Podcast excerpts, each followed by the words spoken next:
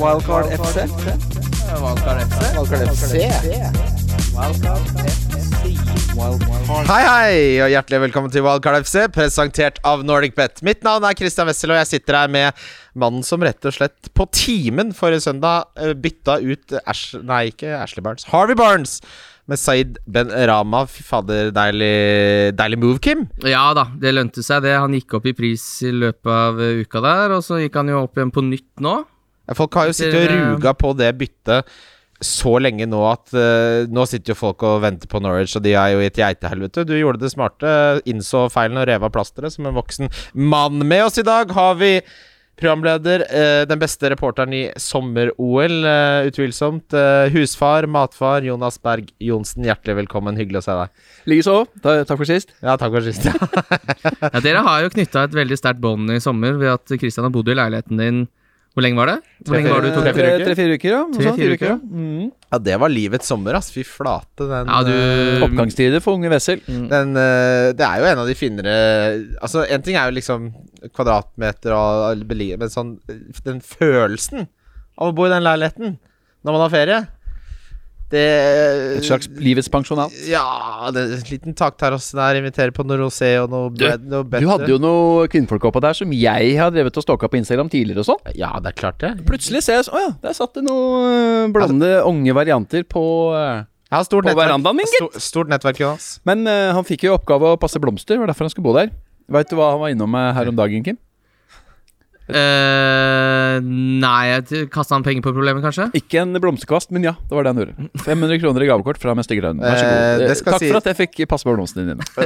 Det skal det sies at eh, tre ganger kom det monsunregn mens persiennene ikke var ute, som jeg ikke kan. Skal jeg, skal jeg ta en ti kilos blomsterpotte og stå og helle ut det vannet som var monsun... Jeg, jeg, var jo way Hvis, over hvis det er Du kan jo ikke drikke om blomster! Du har du eid en blomst i hele ditt liv, Kim? Nei, men jeg har jo hørt om en avtale om hvorfor man får lov å bo i en leilighet. Så hadde jeg jo fulgt den til punkt og prikke. Det hadde du ikke gjort. Du hadde drept de blomstene mye fortere enn det jeg gjorde. Jeg prøvde så godt jeg kunne. Monsunregnet tok eh, knekken på meg, akkurat som det gjør i Tennessee nå. Skal, skal du gjøre narr av de som bor i Tennessee, eller regnet kom? Klarer ikke å overleve, jo, din jævla Tennessee-idiot.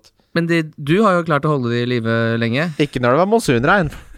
Jo, det har jo vært monsunregn nå hvert år. til å Det, er jo, det er jo økende grad av klimaendringer og ekstremvær, Kristian. Jeg syns jeg skal ha pluss i margen for at jeg kom innom et gavekort på 500 kroner Absolutt. Absolutt Så jeg skal Jeg har brukt jeg kunne. 100 kroner allerede på Rema 1000. Kjøpte noen sånne blomster der. Det vet du hva, det unner jeg deg. Så Eh, de penga, de får beina gå på. Pass på Fantastisk, regnet. fantastisk sommer har det vært. Vi må jo, I og med at du har dekket uh, en av de største idrettsbegivelsene som vi har her i verden uh, Jeg vet jo at du var veldig skuffa, Jonas, og hadde gleda deg til uh, å se Tokyo by. Og det var mye triste måltider på inn, innelåste hotellrom. Ja. Kan jeg få topp tre høydepunkter? Gjerne utenom sportslige. Vi så de sportslige, håper jeg, alle sammen. Slegge, sleggekasteren var min, Slegge på det var min desiderte favoritt. Da satt jeg og grein i din stue. Det var et fantastisk øyeblikk. Uh, gi meg Klarer du, klarer du bunn tre? Topp tre i Bunn Tokyo? tre, topp tre. Bare ofte, ofte, hvis det er sportslig, så må det være greit. Jo. Det er såpass vi Såpass rause er vi, Kim. Ja. Ja, ja, ja. Altså det er vanskelig Topp tre sportslig er veldig lett, da, for det er jo uh, Warholm og uh, Jakob Ingebrigtsen og Hans Legge Henriksen. Ja. Så den er liksom Den blir veldig kjedelig. Ja, men faktisk. utenom sportslig. ja. Ja, Utenomsportslig, oppturer. Um, Karasskjenk med um, Eurosport-redaksjonen på et sånt uh, lokalt danskebåtaktig utested hvor det kun var oss uh, i et sånt Tokyo-nedstengt um, Eller koronastengt uh, japansk hovedstad. Med sånn klissete gulv, cover charge. Um, OA hele natten. Fikk på Erik Follestads julelåt der. Det var eh, nærma oss et slags bunnpunkt sånn kulturmessig på alle mulige vis. Eh, etter å ha sluppet da ut etter å ha 14 dager i em, isolasjon da på hotellrommet. Det var liksom det vi hadde lov til. Eh, hotell, pressesenter, arena. Det var 14 dager i 40 varmegrader. Sånn at når du gikk ut, så var det på en måte begynte dusjen å gå. Og så slo den seg ikke av før du kom tilbake på hotellrommet på kvelden igjen og fikk deg en ordentlig dusj. Så det var sånn konstant svett. Skulle tro man gikk ned noen kilo. Skjedde heller ikke. Det ble bare sånn nedtur. hinne med klamhet hele tiden. Ja, eh, konsekvent, liksom. Helt spesielt. jeg jeg, Jeg, har vært i Asia og alt mulig sånn før, men ikke av opplagte grunner. Ikke dratt i juli. Ikke gjør det. Når Tokyo åpner igjen, så ikke, ikke dra i juli. Det er veldig dumt. Dra i mai, når det er sånn blomster og ting og tang. Jeg gikk der hvor kirsebærtrærne blomstrer i mai. Ja. Nå var det en høyst ordinær, ganske kjedelig gang, liksom stripe med trær. Hatt en fæl tur, grønne. en fæl tur til Tokyo, du. Hatt en fæl tur til Tokyo. Eh, men det er noe med å se liksom Paul Gordon Nilsen. Jeg vet ikke om dere husker Han krangla med Solbakken. ja, den er jo veldig fin. Ja. Eh, den dukka vel også selvfølgelig opp um, Vi hadde en sånn Paul Gordon mimrekveld der med masse artige historier. Eh, men den hvor han avslutter et ski-VM sammen med Anne Rimmen, hvor Anne Rimmen skal ut eh, liksom brodere på dansk, og så skal han danse Michael Jackson, sånn moonwalk. Nei og nei. Og det, det er et veldig flott klipp som bør eh, ses. Han, han er jo veldig lite selvhøytidelig, um, Paul Gordon, og veldig, veldig veldig morsom fyr. Så han ledet liksom troppene, de unge tropper, da, i en gjeng sånn førstereis, inklusiv meg sjøl, som aldri hadde vært på sommer-OL Var det Paul Gordon jobba for der nede? Han var reporter for oss. Sånn bra på. Ja, ja, ja, han gjorde de store intervjuer med Olaf Tufte og Ja. eh, Roeren og Warholm og du vet, som Jeg må, jeg må kveldstid der til OL-kveld. OL for meg var sånn Jeg hadde det på i bakgrunnen hele tiden. Så, men det var jo så mye rart av øvelser innledningsvis. innledningsvis. Jeg bare Er det dette OL er? Og så andre halvdel så kom det jo som perle på en snor. Øye, høydeple, øye, høydepunkt. Det var Ja, en fantastisk avslutning. Det gjorde det. Ehm, det, det er jo heldigvis ikke så lenge til vinter-OL, eh, Kim, men før det så skal vi snakke om fantasy Premier League. Ja, la oss gjøre det. Ja, vi skal gjøre det. Fordi øh, det de fleste sitter og spør seg om nå, vi skal jo snakke om de store temaene, det alle lurer på. Det jeg har sett som rører seg overalt øh, på interveven, er øh, rett og slett Tony, er det mange som vurderer å selge. Eh, folk endevender BSU-en for å få inn Ben Rama.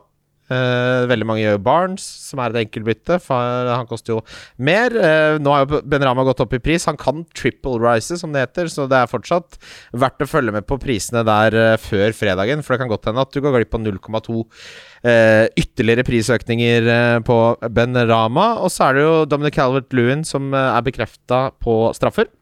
Fast straffetaker for Everton. Mm. Han er også da, med unntak av Antonio, den spilleren som har høyest expected goal involvement av alle spillerne.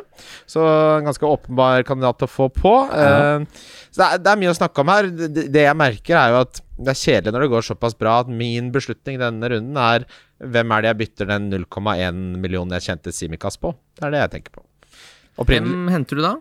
Eh, det blir Livramento som har uh, tatt den backplassen på Southampton. Jeg visste ikke at han var så god som han var. Han ble jo uh, stemt fram som årets spiller på U23-laget til Chelsea forrige sesong.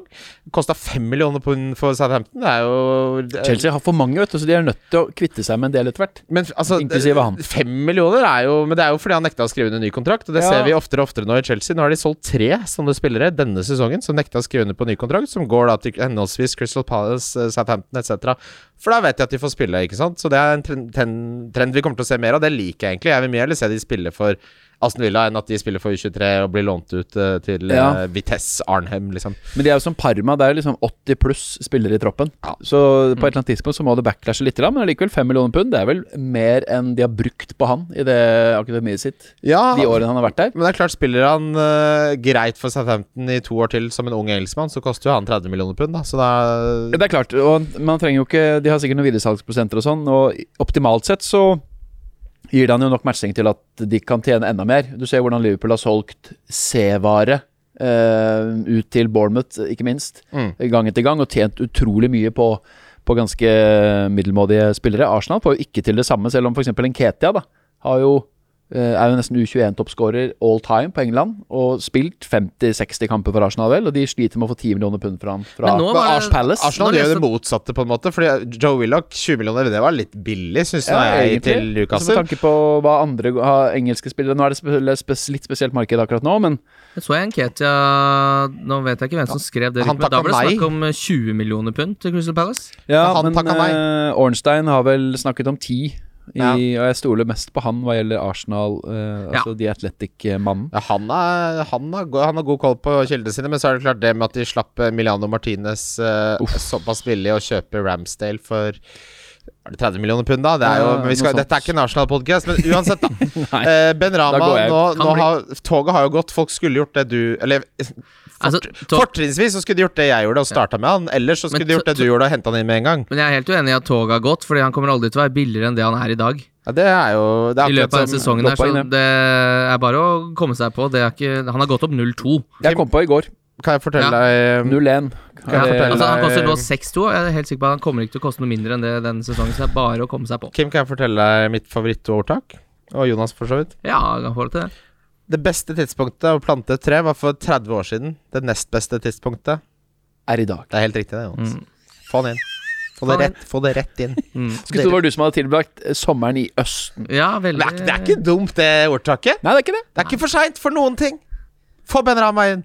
Nei, altså, jeg er det noe å lure på, Kim? Ja, men Folk jeg- lurer. det er Er det noe å lure på? Nei, jeg syns ikke det er noe å lure på. Jeg synes det er ingen som det er noe å lure på hvis du har lyst på noen spillere nå. Jeg synes Tog har ikke gått på noen ting. Tog har kanskje gått litt på hvis du skal hente Simikas. Danny Ings eller ja, Mims. Simikas, Simikas har dårlig gått der. Eh, Ja. Det treet der er ikke noe å plante. Ja, der, har vi, der må man høste fruktene fra treet. Ja, det er helt enig. Og det Golden Shower-toget til Shane Duffy har vel også gått. Ja, der om- er jeg litt mer usikker, fordi han, han Dan Byrne er nå til en spesialist på det kneet, for det leger ikke sånn som de Potter forventa. Uh, uh, Altså Der kan forventet, ja. det være at hvis eh, man har Duffy, at man er heldig og Men hva får- skjer med Lamptey nå? Er han ute lenge, lenge, eller er han uh... Den der hamstringen og det systemet hans virker jo helt Det vil jeg aldri stole Apropos han Livramento og høyre wingbacker i Chelsea. Du skjønner jo at eh, han også blir jo dumpa på billigsalg fra Chelsea der. Mm. Um, men uh, Lamptey kan man nok stole på. Eh, nå har jo riktignok eh, han spilt med litt mer offensive wingbacker.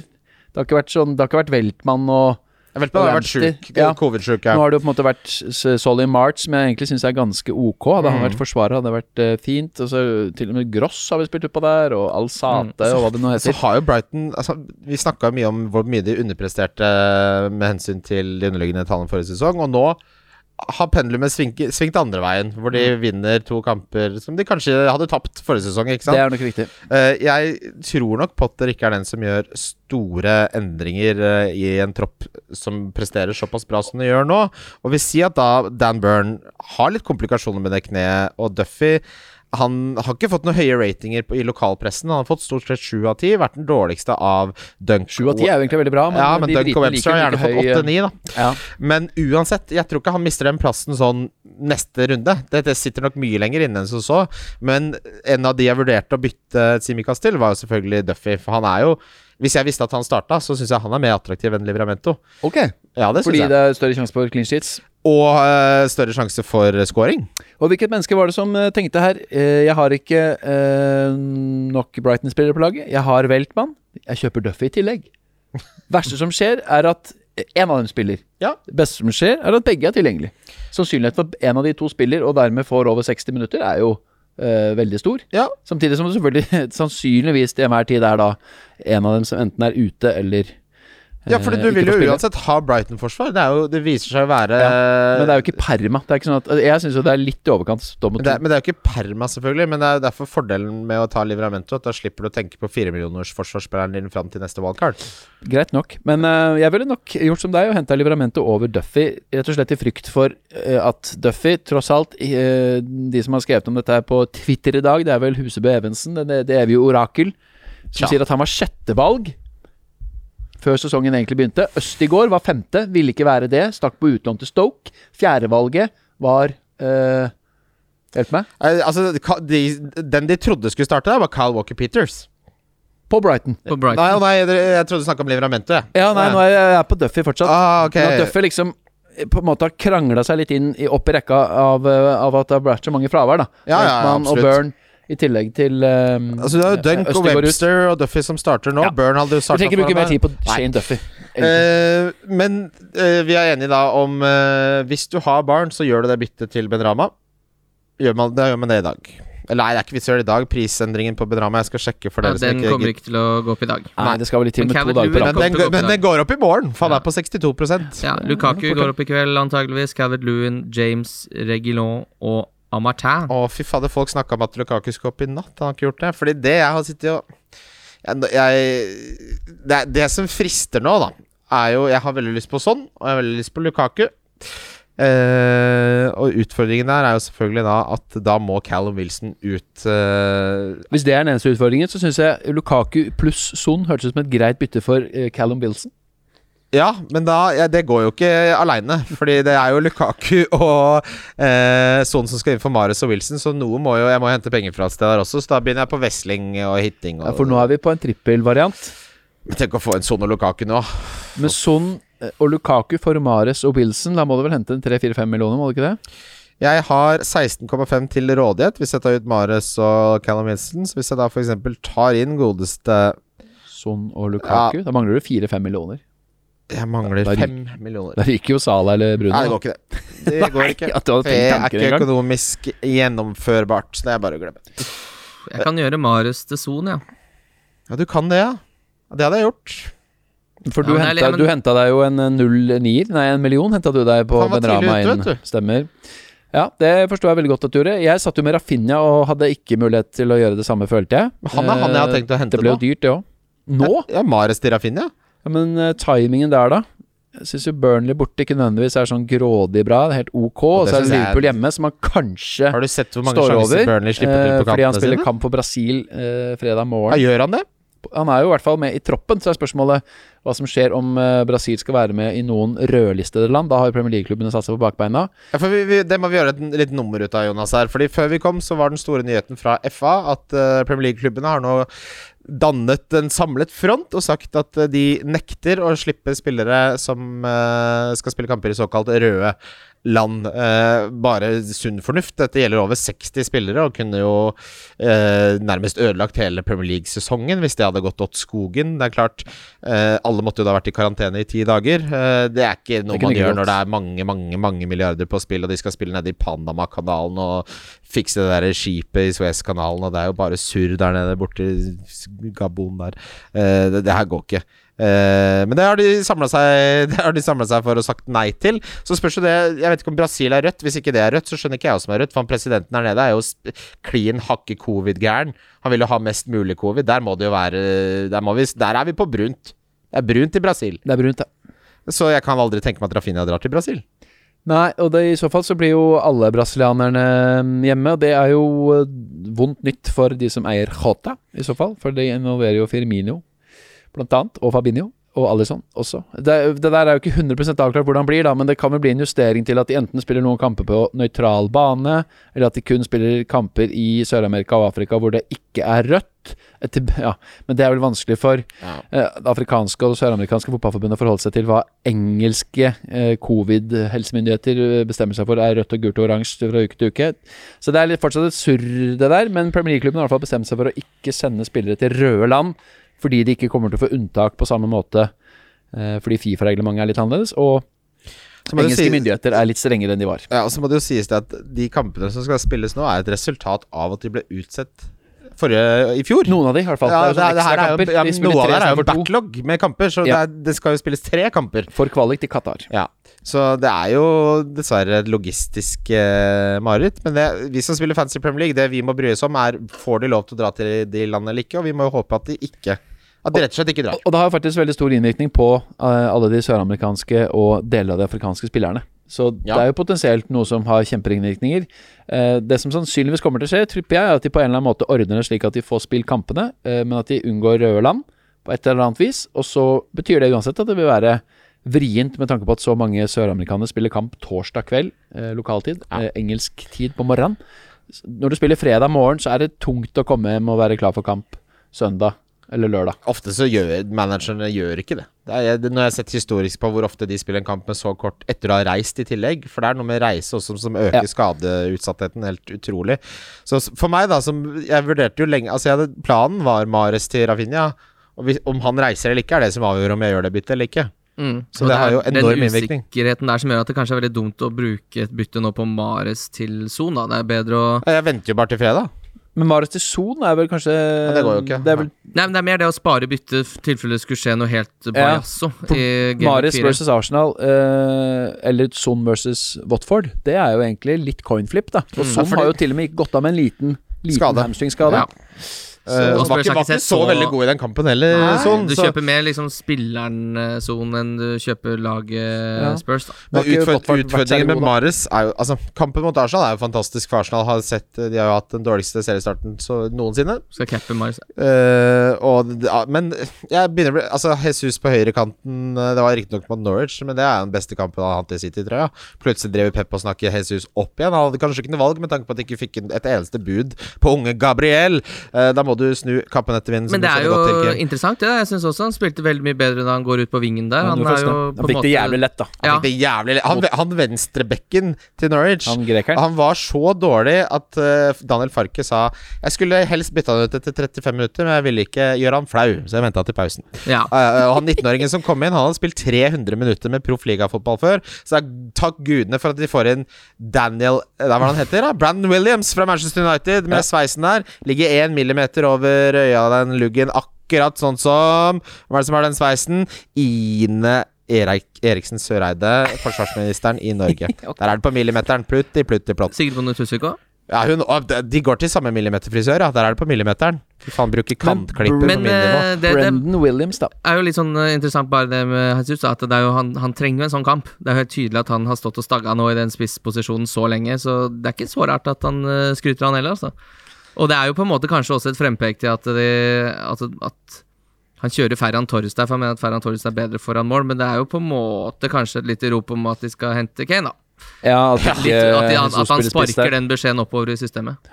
Men jeg tipper at Mares er inne igjen i elveren mot Arsenal, og da er han et godt valg. Så det å selge han er jo Jeg skjønner at det sitter langt inne for folk. Jeg vet, Um, det, det, som er fordel, det som er fordelen med det, Jonas, da er jeg helt enig, og det er sånn typisk bytte man har brent seg på tidligere, og egentlig en av de tingene vi har snakket om i podkasten, at det ikke er så smart å bytte friske spillere som har eh, gode forutsetninger for å få Mm. poeng, som Marius jo har, mot andre spillere, er egentlig ikke et spesielt godt bytte. Eh, enten så må det være skadesuspensjon eller en åpenbar endring i, i kampprogram for at man skal bytte skal være verdt det. Ja. Og det å ha, bruke ett bytte på å rydde opp i Simikas-problematikken, få inn en som er fast, og så ha to bytter i landslagspausen, som potensielt har masse konsekvenser som vi ikke aner eh, her vi sitter nå, virker jo for meg som et mye mer fornuftig fremgangsmåte, da. Ja, jeg er helt enig. Jeg hadde egentlig Det var bare Jeg ble så fryktelig glad i uh, Altfor glad i Son. Så da jeg begynte å lefle litt her nå med Marius ut Men jeg vil, jo- jeg vil jo ikke ha Marius ut. Og jeg har jo til og med Ailing som spiller borte mot Burnley på benk, så jeg har jo for godt lag. Og da skal du i hvert fall ikke bruke byttet ditt. Da kan du, men da kan du bruke et bytte på Du kan jo spare, for du har Jeg jo brukt- spare, på, ja, jeg, jeg, altså, ja. jeg sparer jo, men jeg rydder opp. Og det, tenk deg Mm. hvor sjelden Altså I løpet av en fantasy-sesong, Jonas, så tenker man sånn Åh, jeg må få rydda opp i han benkeforsvarsspilleren min. Det får man aldri muligheten til! Det skjer alltid noe som bare Nei, jeg kan ikke prioritere det nå. Det, dette er den ene ja. gangen man faktisk Forsvarsbytte vil man jo i utgangspunktet ikke gjøre, og nå gjør det du i tillegg noe som er fra benk til benk. Og når du har tjent en million langsiktig. også på han stakkaren Ja. Dette er en drømmesituasjon. Du kommer kanskje ikke til å få gjort det nå heller. Det har blitt en meme, Det skjer et eller annet i løpet ja, det av eh, det, det er noe covid-utbrudd et eller annet Ja. sted, så har du, må du spare Men hva gjelder resonnementet rundt det å skulle selge Mares, da, eh, så var det jo veldig mange som En av grunnene til at jeg hadde mange drafts før sesongen, var jo at jeg ville ha Mares inne til kamp 1 og 2, og så ha en kort vei til Son. Samme her. At det kunne være en mulighet til å finne den millionen der, eller ha litt i banken, eller what not. Um, så eh, det er jo ikke egentlig altså, Da følger man på en måte en plan, hvis man gjør det. Og så er spørsmålet Ser verden ut sånn som man kanskje hadde forestilt seg eh, da man startet sesongen? Fordi, det gjør den jo aldri. Det gjør den jo aldri, men Son eh, fikk jo ti poeng mot City, og er jo Når minuttene er der, så får han poeng. Og eh, historikken hans er helt enorm. Så kjøper man han, så vet man at man har en billett langt inn i framtiden som sannsynligvis gir meget bra avkastning, da. Mares er det jo mer usikkert på, både på kort og lengre sikt. Ja, Men, uh, timingen føles liksom feil nå. Det er ti odds på Arsenal holder nullen. Ja. Arsenal holder jo ikke nullen på Etiad. Og altså, herregud uh, Oddsen på City-seier er jo også sånn nede i Norwich-nivå i gamle dager. Det er Det er, en, det er stygge tall, så for min del så tenker jeg sånn Arsenal hjemme, den kampen vil jeg gjerne ha han eh, i, så kan jeg fint selge han mot Leicester neste. Da er det uansett to bytter, for jeg har spart det over landslagspausen. den eh, Så er det Southampton hjemme etter der, da. Da vil Ja, man egentlig ha ha han inne igjen. Altså, det blir, jeg tror ikke jeg skal selge han da før Chelsea borte og Liverpool borte. Altså. Nei, det- da men- blir men han det helt er jo da, Kim, ja, men men- er ikke det greit, da? Men realiteten er jo at han kommer ikke til å starte hver kamp. Mares. Nei, nei, nei. Og det Så skjønner jeg jeg sier at han blir benka mot Leicester igjen, da, da blir jeg sånn, da orker jeg Ja, men da skal jeg i hvert fall ha han hjemme mot Southampton. Ja, da er du på det derre jævla kjø... Det er jo som å være verre enn å være på heroin. Ja, men jeg tror ikke, jeg tror ikke Marius skal stå over to kamper eh, så tidlig i sesongen. Det veit du aldri. Et viktig poeng er jo Nei, at nei, han jeg sier jeg eh, ikke var spesielt god verken mot Ja. Leicester eller mot Spurs. Og Derfor tipper jeg uh, at uh, Pep så det som en god mulighet til å faktisk prøve Jesus ut til høyre. Og det funka som bare det. Det funka. Og da plutselig begynner det å bli litt alternativer. Bernardo er inne i miksen. Han er ikke ute av laget Ikke Klarer ikke å få solgt de de Nei. skulle selge. Og det gjør jo at kampen om plassen er litt, litt større enn kanskje man forventa bare for kort tid siden, da. Eh, Jeg tror nok Pep forventa at både Jesus og Bernardo skulle være solgt nå, sånn at Ja. de kunne bruke de pengene på uh, Kane, Kane. eksempel, ja. Ja. Eh, men, eh, men Mares stil, spilte jo veldig mye i starten av forrige sesong. Eh, etter at han sto over den første kampen, hadde han vel starta vel åtte av de ni neste, eller noe sånt. Så var, jeg må si det var litt overraskende, tross alt. det- og Forrige sesong så hadde jo Mares var en av de bedre City-spillerne. Han var jo fantastisk både i Champions League og i Ja, ligaen. og var en av de Særlig på våren i Champions League var han jo Han var en av de spillerne som Pep stolte på, ikke sant. Så det, det er litt sånn kinkig dette her, men det er klart det er mange som sitter med Barents øh, Gjør det byttet til Ben Rama. Folk som stresser med å få inn Dominic Calvert-Lewin. Jeg ser fristelsen. Det er Brighton neste. Jeg syns du kan vente til etter landslagspausen. Ja. Altså, jeg tror ikke Dominic Calvert-Lewin får det Altså, er det noen som er gode på hodet? Så er det Dunk og Webster med den trevekstlinja til eh, Brighton her. De er gode Ja, på å forsvare Duffy, seg på og hodet. Duffy, og Duffy. Eh, og Duffy også. Eh, Så hvis de skal drive og piske innlegg, så er ikke det sikkert at det blir så mye poeng. Jeg tror ikke det her jeg ville Jeg vil ha en Dominic Calvin Lewin. og han er åpenbart et bedre valg enn Callum Wilson. Det er jeg enig i, men det kan vente til etter landslagspausen. Og Newcastle altså 15 hjemme. Man vil kanskje ha med seg det. Han holdt på å skåre to mål mot Aston Villa. Skulle hatt Det var en veldig rar situasjon. Ja. han skulle hatt straffe, men det var offside i forkant. Eh, keeperen fikk gult kort, og tidligere så har vi da sett at eh, når en offside eh, annullerer på en måte situasjonen, så har også kortet blitt fjerna. Men det skjedde ikke nå, for de har endra regelen. Dette er litt sånn for de som er litt nerde. For hvis ikke så er det jo faen meg fritt fram hvis det er offside. Da kan du ikke sparke noen i trynet, da. Tels Ja. ikke, det var offside bak her. De lærte vel kanskje noe av skaden til van Dijk i fjor. Det er den de, det er den de brukte som eksempel, Kim. Ja, Ja. Det Så mening, det er helt riktig. For det var ikke fotball for meg. Nei, men tenk deg, det var jo Pickford der som bare Nei, han får ikke noe. Det er, du har kvesta han for livet. Du har jo, Mora sitter og griner, men du skal ikke ha noe kort. Du, skal man ta seg en liten fruktnøtt? Ja, ta deg fruktnøtt. Og så tar du med den vannflaska, og så tenker jeg at vi glir over til uh, lyttespørsmål. da. Lyttespørsmål. Lyttespørsmål? Før vi tar lyttespørsmål, så har våre venner i NorgBet som uh, alltid en hyggelig overraskelse til dere som uh, begynner å spille der. Hvis du er ny kunde, få det oddsboost i tillegg til det vanlige velkomsttilbudet. Du får altså ti i odds på at det blir over 2,5 mål i Liverpool-Chelsea. Eh, hvis du sliter litt med hvordan du he henter inn den her, bare finn spillet på bongen, holdt jeg på å si, og trykk 'aktiver oddsboost'. Det er ikke verre enn det. Så vanskelig var det. Vært litt kundeservice de siste to ukene. Det gjør jeg på dagtid. Vil helst ikke gjøre det på kveldstid. Da kan du søke deg sommerjobb i Discovery Pluss-kantina.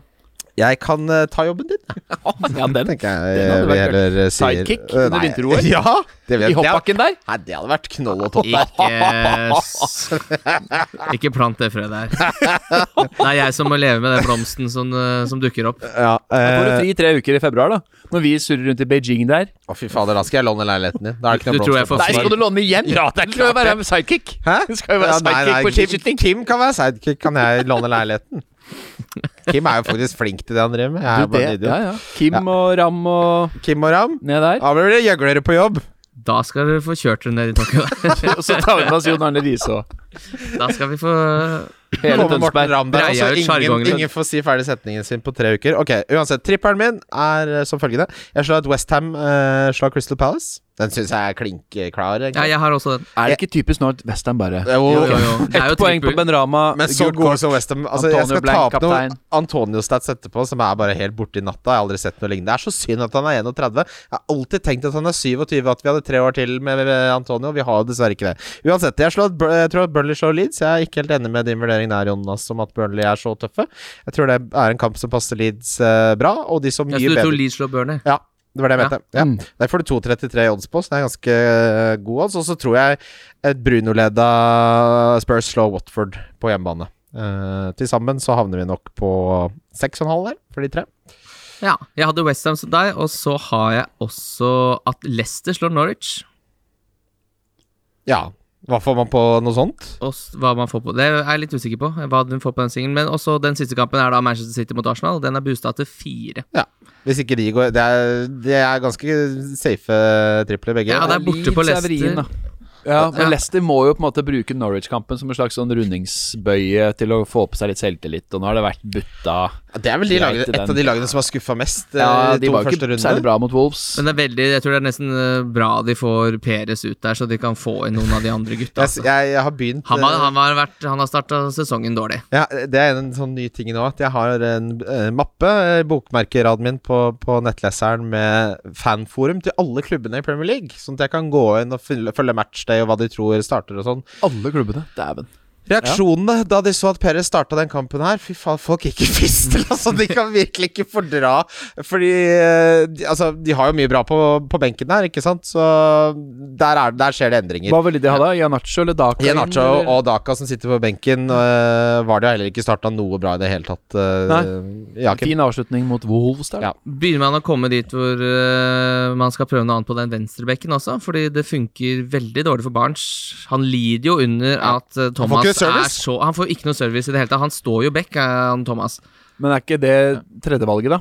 Bertrand er jo skada, og Justin er skadet, er vel ikke helt klar. Så det er vel klar. det, men at ikke kan Kastan Ja, det var det jeg Ja. lurte litt Ja, på. Kastan. Kastan kan jo spille venstre. så Kan han ikke lefle litt med det borte mot Norwich? Jo, det kan. Kastan er jo kjempepikk egentlig hvis han spiller fast. Ja. Både han og Pereira er jo veldig fine. Det er ikke hadde så lenge siden vi snakka om at de hadde blant de to beste wingbackene i Premier League, i Preira og Kastan. Ja, ja, og så Justin i tillegg. Så det nå- løsner jo der, men Perez skal ikke være med i den lagoppstillingen. Det tror jeg absolutt alle veit, bortsett fra Brennan Rogers. Kanskje han har skrevet noen navn på en konvolutt og ting ikke Klokka har ikke tikka helt ned ennå. det- Ting skal åpnes.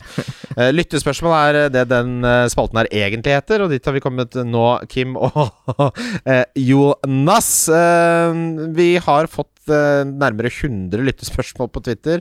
I tillegg har du lagt til en forferdelig dansevideo av meg, så nå koker det jo her på min nye Macbook Air. Ja, jeg skal klippe meg også. Jeg har fått så jævlig tung sveis. Jeg ser jo som noen bare har mista en tupé oppå huet mitt. Ja, det Den sveisen var dyr det, i så, starten. jeg synes, det så litt verre ut på den lille videoen der enn det gjør i virkeligheten. Ja, Sånn mener jeg. men det, sånn. det hjelper ikke lytterne, for de ser på den videoen. Ja, Så- Men du ser veldig søt Du ser ut som en sånn fyr som Det er litt slemt at uh, Bobo mobber, på en måte. Men du har jo vært ganske snill i dag. Ja, jeg ja, Altså Innledningen din er vel nesten hyggeligste du har hatt om Kim jeg har jeg hørt. syns det, jeg syns det vitner om en som kan spille. At du Når Ja, du men, men bakgrunnen når du, når du ser en feil, at du korrigerer den. Fordi vi, Ja. det, hadde, det jeg ikke hadde respektert, var hvis Kim satt der og var sånn Åh, men Barnes har jo Norwich og satt om At han bare tok en beslutning. Det er det mannfolk gjør. Og kvinnfolk. Og kvinnfolk. Men bakgrunnen for denne videoen er at da jeg kom inn døra eh, på eh, Nye Scene her nå, så så jeg deg 30 meter borti Ja, det var ikke for deg, det var ikke for kamera. Nei, det var kun for en dans foran Kim. Ja. Og det var en hoverende dans. Nei, det var hei. Det er sånn jeg hilser. Ja, det var en mann som var høyt oppe på livet. Og, er og, og veldig høy. Ja, mens, mens uh, jeg filma jo på en måte en slags gjenskapning.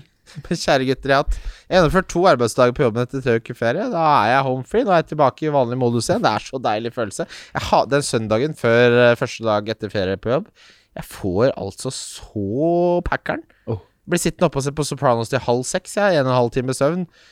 Helt forferdelig. Og nå er jeg inne i vanlig Nå er jeg gjeng igjen. Alt er helt strålende. Altså, da, skulle- da kommer den dansen jeg ser Kim. Jeg er jo glad for å se Kim. Skulle, skulle hørt Vi drev og chatta under OL i Tokyo, og jeg satt liksom på Klokka begynte å bli tolv, ett, to. Tenkte jeg faen, begynner klokka å bli mye hjemme? Nå er det kvart over sju hjemme. Ja, Kristian hadde ikke lagt seg. Nei, nei. Kvart over sju på morgenen. Nei, det var på tide å legge seg. Ja, ja. Det er døgnrytme. Det var ferie, da. Ja, da var det Er ferie. voksen mann. Ja, Det er voksen mann. nei, Jeg så eh, Aftenposten hadde en svær artikkel om hvordan snu døgnrytmen eh, etter ferie. Men det er klart nå, for nå legger jeg meg helt elleve. Men vi skal ikke snakke om Greit, det. Uh, Jostein Lian spør Bør man slutte å høre på Wessel? Spørsmålstegn. Følger opp med Hvordan kan Wessel mene at makrell er godt? Det er godt to ganger om sommeren. Uh, det jeg har møtt mange som ikke er noe glad i makrell, så der er tydeligvis en minoritet. Uh, jeg syns det er godt, jeg. Ja, jeg liker makrell. Det er. Feit, fin fisk. Absolutt. Du, ja, gode minner fra det. Er det det du fisker? Åssen er dette? Mm, det er gjedde. Får du vel i teiner? gjedde? Jeg, jeg fisker Han fisker gjedde, ja!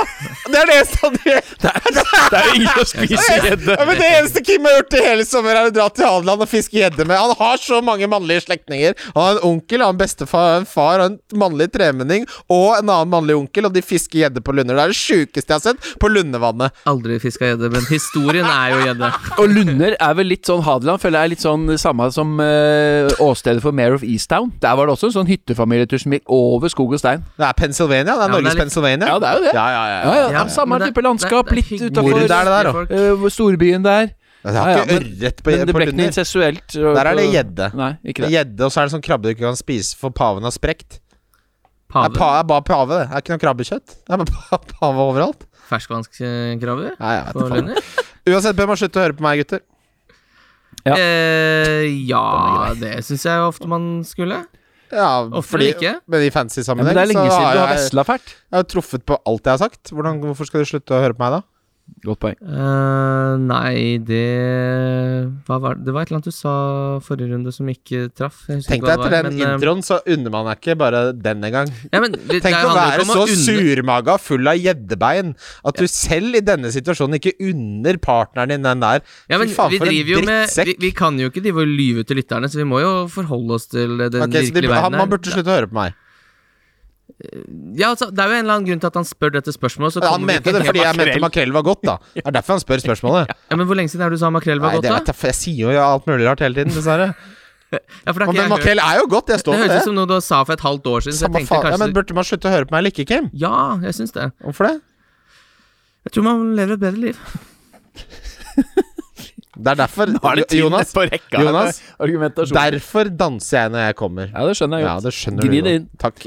FPL Markus spør med stort håp om å komme gjennom denne gangen. Eh, Det gjør du, Markus. FPL Markus, velkommen. Eh, Hyggelig med at du stiller litt spørsmål. Bør man kjøre abonnement på FF, FFHHQ, som er Fancy Football Hub? Der må jeg innrømme at uh, jeg ikke fulgte de, ser vi nå. Eller fotball, Fancy Football Scout. Nå er det jo sånn at jeg har fulgt Football Scout i ti år, og betalt for det i ti år. Alltid vært strålende fornøyd, så jeg kan jo ikke gjøre annet enn å anbefale de, altså. Nei, enig i det. Det er det Hvis- eneste jeg betaler for av alt av sånne algoritmer og Ja. podder og ditt og datt, så er uh, FF Scout det eneste jeg betaler for. Og jeg betaler sånn Den første dagen de ber om betaling, så bare, det er bare auto. Det er ikke noe å lure på for meg, så den kan jeg varmt anbefale. Veldig bra content. De utvikler seg, de blir mer analytiske. Veldig mange gode verktøy. De har fått inn noen pundits etter hvert som jeg føler er sånn mm, Ja, men- er men dette helt enig, men- er det, men det grunn som- til å uh, En del av reisen er jo å velge hvem du hører på og ikke. Riktig. Det er akkurat som når jeg leser Morten P-saker, så er det ikke fordi jeg er enig, men det er derfor jeg skal kose meg Men du har blitt politisk analytiker nå. Det Er det det han har blitt nå? Ja, ja, ja! ja. Jeg skrev jo en sånn eh, Listhaug er slem-artikkel. Ja, det så jeg jo. Ja. Han kan jo ikke skrive. Men den der Scudera Mistberget også, som er da på en skala fra Scarlett Johansson i Lost in Translation med ja, for han får en vi sjelden lyttespørsmål fra. full av kattunger til Ja, men det er, det er liksom bra, Hvor usjarmerende er det med folk som setter opp laget sitt som bare er basert ja, Fordi de går inn på et algoritme Sender inn uh, lag-IP-en sin, og så bare lar de et, uh, en algoritme ta seg av spillinga, da. Så hele gleden med spillet blir borte. Men de gjør det noe særlig bra? Fordi de gjør det jo Altså, de er jo basert på sånne big data-modeller som gjør det bra over en hel sesong. De gjør det gjerne ikke så bra fra uke til uke, så de går jo ofte glipp av sånn som Ben Rama. Vi så jo vår kjære venn FPL Sigurd benka jo Ben Rama, og det er på grunnlag av disse expected value-modellene. Så jeg syns ikke det er juks, jeg syns egentlig det bare vitner om idioti, og at du kan donere pengene dine. Kanskje du burde gitt det til Frelse... Ikke gitt til Frelsesarmeen, de er imot homofili. Gi det til Røde Kors. Kjøp er lik Oslo. Du trenger ikke å åpne det, bare kjøp det. Eller si 'jeg kan kjøpe det, men ikke få bladet', så kan du selge det til noen andre, men pass deg, for da kan de bli sure. Det er, det er et gjeddesiv å manøvrere seg gjennom dette livet vi lever i, Men, men var ikke det en FPL-Sigurd-varianten der? Ikke for å henge ut han eh, nå, da, men eh, det at han er, er det ikke litt er liksom, Mister du ikke jævlig mye av gleden med å spille fantasy når liksom den offensive, gøyale formspilleren som har vært helt strålende gjennom sommeren, skal inn der, Leicester hjemme, fulle hus, London Stadium, mandag kveld, du setter deg ned skal kose deg med fotball. Han skal benke. Nei, jeg hadde Duffy på laget på lørdag, så jeg skal ikke ha Ben Rama inne. Ja, jo, det Det er jo men det, men det som er så gøy med det, Jonas, er at det, vits, det vitner om mangfoldet blant mennesker. Da. Fordi Sånn som jeg kjenner Sigurd ha- det er ikke noe mindre gøy for han. Han er veldig analytisk hjerne. Fantastisk, vi har vært masse, men han, jeg tror han liker å ta det som er i hermetegn den korrekte beslutningen. Uh, mens vi er mer sånn Der begynner vi å dra oss mer med Alt det du nevnte der nå, er sånn nei, ikke, Jeg hadde ikke benka han for alt i verden, ikke sant? Nei, nei, nei. Fikk jo 14 poeng på Duffy, da. Ja, han fikk bra med Ja, poeng. det, var, det, var, jo ikke Duffy jeg han var benka for, da. da. Jeg mener, eller ja, Ja, det, var noe, det var noe verre enn det. Ja, det var, Det var verre enn det. Han skrev i hvert fall i går kveld at uh, jeg tror ikke jeg kommer til å benke Ben Rama med det første, og det gir jo mening. Men Eh. i sånn sett så går han jo mot sine egne Fordi hvis modellen viser neste gang at han burde benke Ben Rama, eh, og så gjør, han det, ikke- og så gjør han det ikke nå pga. denne runden, da, da firer han jo på en måte på sine egne prinsipper, da. Det går jo ikke. Enten må du følge modellen eller ikke, Sigurd. Eh, samtidig, eh, på Hallo Fantasy, Fantasy her forrige uke, så snakka de jo med han algoritme-Tukvam, og det er jo ekstremversjonen av ja. eh, Ja, FPL-figur. han har peiling. Ja, han har jo laga sin egen algoritme Ja, ja. som hele verden driver og spiller etter. Eh, men samtidig Han sier jo at 'jeg syns ikke det er noe gøy å se fotball'. Jeg bryr meg kun om Tallene, fantasy-spiller og tall, Ja. tallene. Men jeg ser jo ikke Og fotball også- med mindre det er på pub. Jeg heller ser på VG Live. jeg. Ja, jo, jo, men, men man kan fortsatt kose seg med fotball. Ja, ja, ja, jeg vil, jo, jeg vil jo spille fantasy, for jeg syns det er gøy uh, å ha noe å på en måte ekstra krydder i det å, å se en gøy kamp, da. Det er en, en andel av de som spiller fantasy, som kun liker det Altså det analytiske, modellbaserte, og det må være lov, det. Og vi nyter jo fruktene av det til en viss Jeg kan ikke da. se for meg uh, et verre liv hvor jeg spiller fantasy, og så er det den Leicester-Westham-kampen på slutten uh, på mandag der, som er en kremkamp, og så skal jeg ikke kose meg 100% med at Ben Rama Ja, og Antonio kan... bare dunker inn mål der. Kofal får en liten assist der etter det rareste målet Thielmanns noensinne har scoret. Så bare hele den kampen her, hvis jeg, hvis jeg ikke skulle satt pris på den, men bare sitte og vente på at talla skal rulle inn, ja, da hadde jeg slutta Ja, vi sitter og venter på at tallene skal rulle inn, men liksom at, at modellen skal stemme, da. Sitter og venter på at modellen skal stemme. Nei, uh, Geir, jeg er helt enig i det. Men folk er forskjellige, og det, det som er eh, Som er det jævlig kjedelige med livet, er at liksom sannheten er sånn en bla, god blanding av alt. Du må ha litt av det og litt av det, så havner du stort sett der du skal være. Så det å ikke være så ensfokusert, da, eh, er nok det smarteste. Og for dere som ikke har satt dere veldig inn i alle disse modellene og sånn, så skal vi sk skrive en kort liten Jeg skal skrive en kort liten om hva dette går ut på, så kan de som er interessert, sette seg litt mer inn i det. For det er, det er fort gjort at vi snakker om ting og tar for gitt at alle kan alle disse tingene. Det er ikke så Det er ikke, det er ikke selvsagt at alle kan det, men det har blitt en sånn veldig akademifisering av eh, fantasy de siste to årene, og det sammenfaller jo med det at jeg kom på 4000-plass og ligger bra an i år. Fordi, ja, men Det er derfor jeg begynte å følge det. Før så, før så fulgte jeg min egen hjerne, det gikk til helvete. Nå ser jeg på matten, og det funker. Jo, men det minus 8 og minus 12-kjøret, det skjønte jo vi andre òg før at det ikke var sånn. Alltid. Ja. Sammenfaller med mye annet også. Men du, jeg fikk i oppgave å finne noen uh, lyttespørsmål, jeg òg. ja, det gjorde Bjørn spurte uh, hvor mye koste Kimsen med og blanket i helga. Ja, det var helt Ja, enormt. det, det gjør det jeg òg. Det var helt enormt hvor mye jeg koste meg Ja, med det. også. Fordi det var Jeg syns jo han fikk for mye poeng. Jeg syns tre mål var for streng straff da for oss som ikke hadde Bruno i kamp igjen. Og nå sitter alle og vært Det er noe med det er noe med måten det skjer på også, at alle de Bruno-kapteinerne sitter, sitter og crosser seg fordi Salah greier jo nesten på utrolig vis å blanke i den, eh, i den kampen, og da har de på en måte allerede vunnet, fordi Bruno skal jo ikke blanke blanke den kampen her. Og så ender han opp med å få ett poeng. Ja, det var deilig, syns jeg kunne òg. ikke, kunne ikke bedt om Som en som Sala, en Sala-capper også, som satt sammen med en som hadde Bruno-kaptein, og som bare så greier på ufattelig vis min eneste Manchester United-spiller Shaw å dra med seg to bonus der, så det blir sånn Fire ser jo ikke så gærent ut, liksom. Det er ålreit eh, sjanse, det. Helt Og det Og Bruno hadde over 100% eierandel i det øvre sjiktet, så det var jo Mm. egentlig bare digg at han Vi tjente jo penger på det, nesten vi. Jeg må nevnes også at eh, for dere som begynner å få litt kalde føtter på Shaw, grunnen til at han fikk to bonuspoeng, var fordi han skapte store sjanser, hadde over 85% i successful passes, så de tingene som gjorde at vi kjøpte Bruno innledningsvis, er de samme grunnene til at han fikk to i bonus, så her er det ikke noe å være veldig eh, Ikke bli for kald på føttene ennå. Men var det laves, lav rekord i bonussanking, eller? Ja, det er BPS-en, ja. Salisu fikk 14 bonus eh, og fikk med seg en bonus. Mm. 14! Ja. Er, Vi skal, vi eh, skal gå ja, Akkurat det der må vi faktisk snakke om. Fordi Solskjær har eh, Jeg skal ikke snakke så mye om Solskjær, men at han insisterer på å ta Martial inn på spissplass der, er en svakhet ved Solskjær. At han, at han ikke skjønner at Greenwood må gå fra den spissplassen som han var så god på, og at han er litt for nølende med å ta inn nykjøpte spillere inn i troppen. Selvfølgelig at Fred og, og Matic starta på, på, på midtbanen der, er også en krise. Men se på det Tukkel gjorde. Lukaku kom ganske rett inn der. Hvis Sancho hadde spilt istedenfor Martial, og Greenwood hadde spilt spiss i den kampen der, så hadde United vunnet den kampen. Det der er to tapte poeng, fordi han er litt for konservativ og insisterer på å prøve å få Martial til å spille nier. Skal jeg lese opp tallene til Martial fra den kampen? Ja, men det, det er jo på en måte Jeg syns ikke det bare er det, da. Det er jo mange som gjør en uh, under par i kamp der. Fred oh. bommer, mister ballen fryktelig mye. Wambisaka mister ballen altfor mye i det oppbyggende spillet. De har jo liksom ikke noe sånn De har ikke noen gode ballflyttere, da, når, eh, når de skal prøve å rulle opp angrep der. Det er litt sånn hummer og kanari, hele greia. Men altså, Martial er jo ingenting. Han er jo bare han er, han er jo absolutt ingenting i hele den kampen. Han bidrar med Null. Absolutt. Minus. absolutt null. Ja. Så- tallene, da? Nei, han hadde Nå har jeg det ikke foran meg, da, men øh, jeg tror han hadde tolv toucher jeg, på 70 minutter, eller hva han nå spilte. Altså borti ballen tolv ganger totalt. Walcott-tall, det. Ja, han skapte, skapte ingenting, mista ballen, eh, ikke en sjanse skapt, ikke et skudd, ingenting. Altså, han BPS, BPS-poengene hans minus fire på, fem, på 58 Ja, og- minutter. Vær så Ja. god. Ja, for han taper ballen hele tiden. Eh, Det er sånn som Sala, som faktisk kan ligge på innimellom òg, før han Det er for han bommer på så mange store sjanser, ikke Ja. Mm. Uh, Geir Halvor Kleiva. Uh, Nuno har satt en plugg i lekkasjen til Spurs-forsvar. Uh, hvem av gutta bak der bør man velge? Nå må det sies at de har sluppet til et helt ekstremt antall uh, skudd i Spurs. Flest av alle. Eh, Flest av alle. Og Hugo Lloris har nå fått tre bonus i to kamper på rad. Og det er fordi han plutselig Han redder jo ikke så mye. Nå har han redda som livet han skulle vært avhengig av det. Jeg tror ikke den pluggen eh, sitter så veldig godt i det badekaret. Nei, jeg er litt enig i det. Altså, det. Jeg tror det var 42 skudd eh, de har sluppet til, ja. Ja, det, det, det er helt helt sjukt at de ikke har sluppet inn. Og så kan man jo si ja, de har møtt City, men altså Norwich har jo møtt Liverpool og City og har færre. Ja.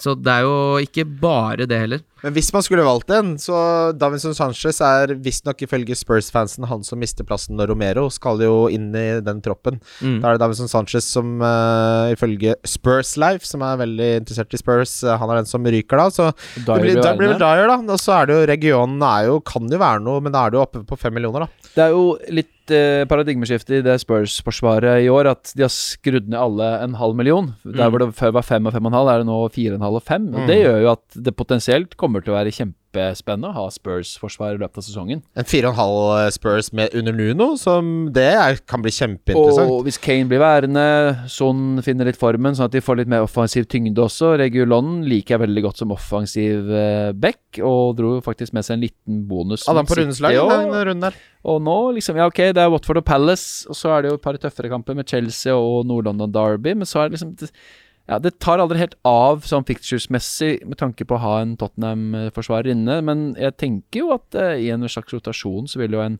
4,5 eller 5-gubb der være ok.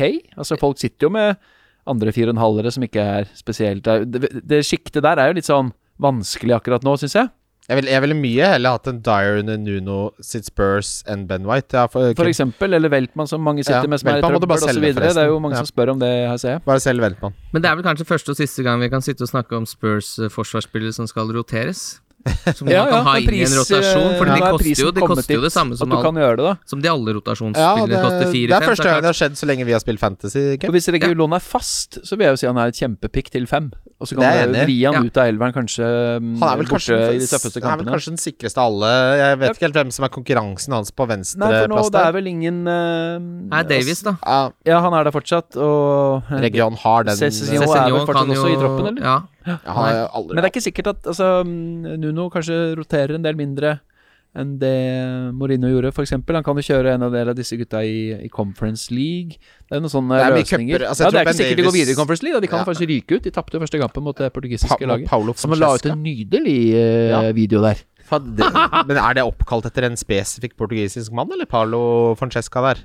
Jeg vet ikke. Nei, det er sånn når det popper opp på VG-liven, plutselig en sånn øh, Hva slags dag er det de kampene spilles på? Er det sånn, er det Premier League i aksjon nå? Ja, ja. Ja, da har jeg en tab oppi, jeg. Følger med. Klart ja. Men vi husker jo Dockerty-eventyret til eh, eh, Gomez. Nuno i, eh, Ja, han i Wolverhampton, så han er, og da mener jeg at det var ikke mye rotasjon verken på venstre eller høyre bekk der. Altså, så jeg tror hvis han finner bekkene sine Det er klart, uh, større stall, bedre stall eh, i Spurs nå, men eh, at det kan være litt mindre eh, rotasjonsutsatt enn det det var under Pochettino, eksempel, som var ganske Ja, grusomt til Jeg syns. Jonas gjør et godt poeng med at um, det er ikke noen sånn åpenbare fixture-periode hvor nå har man en Spurs, men bare la det modne seg og marinere seg, da, så kommer det til å utpeke seg et godt alternativ i det Spurs-forsvaret. Om det er til 4,5 eller om det er 5 på region. Det, det der kommer det til å være gode picks å hente. Som en oppfølging til det, FPL Dromedaren øh, øh, Jeg merker at de som ikke se på statsene, men kun se på hvem som scorer, er veldig opptatt av dette her. Uh, rett inn med noen dreads i form av Ali. Tok straffe, men det ryker vel til Kane Barra. Altså, Ali hadde ett- én touch innenfor uh, motstanderens 16-meter, og det var straffa. Han er ikke en offensiv spiller, men han løper mye og får fornya tillit. Men han er ikke en fantasy-spiller. Han har heller ikke straffer fast. Det her var bare fordi han fikk den. Det er Son som egentlig ville tatt den der, vanligvis. De har litt sånn at de kan diskutere det. Det Man, vil jeg si. Ja, Han er setter, han, han setter et navn på tavla, manageren, før kampen, hvor det da er bestemt hvem som tar, og nå sto det navnet til Del Alli på tavla Få han i før kampen, litt. Ja. og derfor skulle ikke Son ta. det? Ja. Oh, ja. Men det, han sa det det like gjerne- kunne vært sånn, og for de som tenker sånn Ja. å hente Men det er, det er, da er det litt sånn hiphop hvem det er som tar de straffene, altså. Ja, ja. det kan være litt Det er sånn merkelig at det der er sånn Ja. Hvorfor Jeg er det sånn? det sånn? er fryktelig rart. Kan man ikke bare ha en straffeskytter som skyter helt en bommer? Fordi og så- sånn som i Chelsea, så jeg vedder en hundrelapp på at For Tukkel har sagt før Jeg liker at spissen min tar straffene. Det er ikke noe Jorginho som tar straffer der, det er Lukaku. Det kan jeg love Ja, deg. det blir Ja, spennende det er en hundrelapp på. Han Jeg har sagt det tidligere, før Lukaku kom. Jeg foretrekker at spissene mine tar straffene. Lynkjapt, bare ta altså den straffa til Cavett Loon der. Det er sånn et straffespark skal tas, ja. Ja, det er sånn Van Nistelrooy satte det i veggen på sidene, sidene der. Liksom skrur de helt utakbart. Og i Everton har vi jo lurt litt på det. ikke sant? Gylfi Rikarlison tok jo i fjor, og så er det Og i år. så deilig at ja, Calvert Lund nå bare får beskjeden 'jeg skal ta'. Og, og at han er god på straffer. Ja. At det ikke er sånn litt sånn Antonio som er sånn Ja, han kan ta straffer, men han er ikke noe god. Men dette er jo en fyr som åpenbart uh, Har han sagt at han, har- han hadde jo hatt lyst til å ta straffen Ja, Everton altså, han har lenge, gleda seg til det lenge Ja. og planlagt Han har stått og terpa straffer. Du, Dominic Carver-Lewin er en spiller som bare Jeg sa jo i forrige sesong at jeg var ferdig med han, men nå vokser han både sånn Jeg får mer og mer sansen Han virker som en veldig sånn smart Måten han tilnærmer seg en karriere som spiss i Premier League på. Han har utrolig tillit under Benitez. Det har jo startet så bra som det kunne gjøre eh, i Everton, og nå har han straffer. Han er så involvert på alt mulig, og den derre eh, planen med, med DeMarie Gray og Andrews Townsend Det ser fanker meg ut som det funker ganske bra, altså. Mm. Så her, Dominic Calvert-Lewin er, med unntak av Antonio, kanskje det beste spiss... Det er Lukaku Hvis jeg kunne valgt fritt, da, nå, satt opp en treer, så er det Antonio, Lukaku, Dominic Calvert-Lewin. Det er de tre beste spissene. Fin føring videre til han Jo Eirik Møller, som lurer på den beste frontsjueren for, uh, foruten Bruno, Mo, Antonio og Ben Rama. Har ikke jeg regna på det, da. Det var de tre jeg sa. hørtes dyrt ut, men å få inn Lukaku og Calvert Lewin, i hvert fall, det er nok det første jeg ville gjort. Ja, må, men det, men får dropper du Antonio over til Calvert-Lewin? Vil du heller ha Calvert-Lewin enn Antonio? Nei, nei, Antonio er allerede er inne i den fireren oh, ja. som et uh, del av uh, okay, hans okay, kvartett beklager, som ligger beklager. inne. Um, og det har, jeg har ikke regna 100% på det, men jeg syns jo Lukaku, Calvert Lewin, Antonio Benrama, Bruno Sala De seks, da. Og så får du se hva du klarer å skvise inn til slutt. Så Den blir det. Bizoma til 4,5 som du benker? Jo, det er noe greit nok, men eventuelt om du ja, spiller 4-4-2 Spørsmålet er jo hva Forsvaret blir, da. Må du da ha liksom to-fire millioner og resten 4,5? For Ja. da, begynner det å bli Fordi litt Trent må fortsatt være der. Det jeg ser Folk har spurt om man kan selge Trent for å kjøpe et Simekast. Nei, nei. Men da, men da må Ja, du begynne vi- å følge vi- med litt igjen. Fordi Hvis du ikke vet at Simica Robertson har trent en full uke og er, kommer til å starte neste Aldri i verden om altså, nå, nå som Liverpool faktisk ser ut som det Ja, de er mye bedre enn det jeg trodde, faktisk. Altså det, og at de nå allerede har greid å klore til seg seks poeng. Aldri i verden om eh, den, en av tittelutfordrerne i Chelsea at han skal sette på noe annet enn Roberts i den kampen der. Nei, ikke faen. Og han, han gikk jo ut og sa Det eneste stedet jeg har lyst til å være, deilig å ha fått en full treningsuke inn, ready to play. Altså, hvor, skal du, hvor mye mer inn med teskje må du få det? Inn med Timikas nå for Trent? Det er, ja, litt nivå skal vi ha her. Følg med. Faen, ass. Det er ikke voksenopplæring. Ja. Ok. Uh, Kim, har du noe fra Instagram? Ja, jeg har det. Ja, jeg kan finne det fra Facebook, som vi skal bli litt flinkere. Og eh, så kan du gjerne lade opp et par i, i magasinet hvis du vil det, Jonas. Lyttespørsmål er så deilig. Det er noe av det aller, aller beste. Eh, hvor komfortabel er du på engelsk, Jonas? For jeg satt en time og intervjua en sånn amerikansk sportsjournalist i går, og det, er, det går bra, men når det krøller seg på tunga, oh. da krøller det seg på tunga. ass. så inn i helvete. Ja, noen ganger så må jeg bare rett og slett si Just give me two seconds. Så må jeg bare begynne helt på nytt og ta sats på nytt. Men har, har du trent på det, liksom? Engelsk? Ja, altså intervjue folk på engelsk, for du skal jo gjerne vise at du er litt med og sånn. Det er jo ikke bare sånn Yes, hello, I live in uh, Oslo, liksom. Nei, nei, nei. Eh, ja, forsøksvis noe faguttrykk, og prøve å formidle noen Ja. historier i de spørsmåla. Det får man jo testa seg bra på når man i hvert fall skal inn i en idrett man aldri Øver har holdt på med før. Plutselig står man der på skyting, indre bane, taekwondo, roing osv.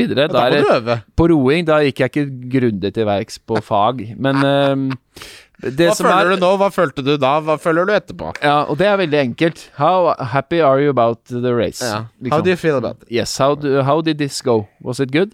Ja. Eh, sånn kan du gjøre det. Fordi det står jo Jeg hørte jo ved siden av meg, så sto det jo polakker og rumenere og italienere og sånn. Det er varierende engelskgrad på de reporterne der. Men Man må jo bare prøve så godt man kan. Da går de ganske enkelt til verks, og det funker jo. De utøverne er ganske vant med å få Men, men det er ingenting som gir meg Det var derfor jeg likte Det er derfor jeg faktisk felte en tåre på det sleggeintervjuet. Fordi det er ingenting som gir meg mindre enn å spørre en idrettsutøver hva føler du nå? Fordi hva de føler, det fins det ett svar på. Uh, men hvis du setter litt mer kontekst i det, får litt bakhistorie at trener? At jeg får vite litt mer om hvorfor betyr dette mye, lar samtalen vokse litt, og ikke ha det der 'hva føler du nå?'-spørsmålet, som låser hele samtalen innenfor et bur som ikke er noe interessant, med mindre du liker plattheter og åpenbare innøvde svar. Da. Det er noe med, et, noe med det som gjør det så mye mer ekte. Som vi gjorde det sleggeintervjuet. Hva heter han? Eivind Ja, Henriksen. fy fader, for et nydelig øyeblikk. Søkt opp. Det finnes på Discovery Pluss, det er en fin eh, streamingtjeneste. Eurosport. Ja, ennå, altså. Men, men eh, det er også en litt balansegang, for innimellom så ser du at noen kommer så breddfulle av følelser at du nesten uansett hva du stiller dem av spørsmål i retning deres følelsesliv, så kan det enten sprekke av tårer eller av glede eller jubel eller et eller annet sånt noe som hvor du på en måte ikke bruker uttrykket 'hva føler du nå', eh, men andre varianter, egentlig, Ja. i samme retning. Men det høres ikke så sportsjournalist-idiotisk Du skal ut. ha det saltvannet. Hæ? Du skal, Ja, ha, jeg vil jo ha du skal sånn- ha det saltvannet. Jeg prøvde jeg vil- jo, jeg jeg vil jo hardt med, med Jakob Ingebrigtsen. Jeg vil mye heller høre sånn Hvor mye har det kosta deg å komme hit, eller liksom hva, hvordan har reisen vært, eller noe? Fordi det, å spørre hva du føler nå, er som å sette på filmen på rulleteksten. Jeg vil begynne filmen fra starten, og så kan du vise meg slutten. Ikke sett på på slutten. Men det der er også sånn balansegang. Oslos beste gutt, eh, Noen idrettsutøvere blir veldig fort liksom eh, nærtagende, eller, eller um, føler ikke at de kjenner deg så godt at de har lyst til å Ja, er utbrodere for mye. Ja. Hvorfor skal han eh, liksom eh, snakke til meg om eh, den avdøde treneren eller uh, spiseforstyrrelsen jeg hadde i forrige fjor? Jeg kjenner ikke Det er også en sånn balansegang som Ja. ikke alltid er så lett. Jeg husker da jeg i min spede begynnelse som TV 2-reporter hadde, jule, hadde jobba litt i juleferien, så kom håndballandslaget hjem fra Brasil, hadde vunnet VM-gull. Så var det sånn, På Nyhetskanalen skjedde ikke en dritt to dager før julaften. Nyhetskanalen, og jeg skulle ut på min tredje live i hele mitt liv og var ganske svett. Og så eh, er vi der, og så er det, skjer ingenting på nyhetsfronten. Så hun uh, vaktsjefen på den der er sånn Ja, Jonas, nå går vi til deg bare på Gardermoen. Nei, jeg har ingen å snakke med her. Og så prøvde jeg desperat å snakke med han der autografsamleren fra Heia Tufte, og han bare avviste meg. Så han ville ikke snakke med meg. Dra til helvete. Ja, nei, det er forventninger her nå til at uh, Nå kommer Heidi Løke og de andre snart, men det eh, tilbake til studio. Og så liksom, ok Etter hvert så begynte de å komme, da. Men jentene går jo gjerne litt tar litt tid for bagasje. Noen skal de ha fløyet til 18 timer, skal sminke seg litt. Kommer veldig ulike tidspunkter der. Så mellom slaga så blei det jo jævlig tungt. Så plutselig gikk jeg bare bort til han. Han er Heia Tufte-karen, jeg husker ikke hva han heter. Leif Olav, eller han er jo han Oldeberget. Og han liksom så ulm på meg, og liksom 'Jeg har sagt jeg ikke skal være intervjua, men nå er vi så god stemning her!' Og liksom Så at du bare lot som Ja, ja. Jeg, jeg lata som ingenting, og til slutt så måtte han jo bare stille opp, da. Ja, du kan ikke bare stå på TV Og så, og og, så, og så kommer hun Randi Sulland, og da får høre jeg vaktsjef Ja, ja, fortsett, bare mat på, vi går live. Vi går live, kjør på, kjør på, dette går fint. Jeg var helt utslitt, og så kommer Rønne Sulland, hadde ikke noe flere spørsmål enn å stille. Bare sånn, ja, 'Hvordan var reisen, og hva festen?' Og det blir jo litt, det er litt sånn, De har blitt intervjua en million ganger de siste tre ukene, da. Så står hun der og sier 'Ja, hvordan skal det bli å komme hjem nå til søster og mor og far oppå Nordberg der?' Og hun bare så på meg og bare 'Hva i helvete slags spørsmål? Hvordan vet du det? Hvem vet? Kjenner du For jeg kjenner lillesøsteren, ikke sant? Det visste jo ikke hun. Så, så hun bare hvordan vet du det? Så, nei, nei, altså Ja, og da var jeg så varm nedover ryggen og svett, og da hadde vi gått Til slutt så fant jeg det hadde gått 22 minutter live ett strekk. Ankomsttalen på Gardermoen 22. desember Du kan ikke 2000. sende ut en stakkars eh, ny reporter på 22 minutter live. Men mener du at de tar seg en tur i sminkepungen etter Ja, ja, ja, det er klart det. Når det er reist hadde du også 18 gjort, Kim, med den timer din. øh, 20 timer, var på grisefylla dagen før, avreise 05.40 fra hotellet inn på sånn øh, Nei, det er klart, da må du nappe litt. Du vet at liksom hele Hele Norge, TV 2, NRK, alle står der og skal juble, og det blir det der Nå kommer endelig håndballjentene hjem-reportasjene. Da må du sminke deg litt. stift da. Var litt stift, ja. Ja. Kim, Insta-spørsmålet skal- Ja, det der var da, For på et eller annet tidspunkt Jeg har vært så nervøs noen ganger i mitt liv. Og på et eller annet tidspunkt så begynner man å ikke eh, Man er liksom ikke helt til stede i øyeblikket. Og så når du kommer ut av det, så er det akkurat som liksom noen har trykka på sånn Å, fy faen, det varte i 22 minutter, ja. Og jeg gjorde det. Og så husker du ikke hva du har sagt, Nei, eller hva som har skjedd. Du bare har sånn svette håndflater og bare Nå blir det en baconpølse på Narvesen, det skal jeg fanke meg love deg når jeg først er her. Kimmegutt. Kristine Grå skriver på Instagram Skulle ikke være lov å ha en Mings og en Ings på samme lag. Helt enig. Eh, men finfin Villa-duo, eller er det for seint med tanke på kampprogrammet som er da fra runde fire til sju? Ja, ja, ja. Man kaster eneste- seg av Villa, ikke Ja. på. Nei, jeg er også litt enig, men Danny Ings er vel en av de få feature-proven eh, spillerne som fins i den ligaen her, sammen med Jamie Vardy.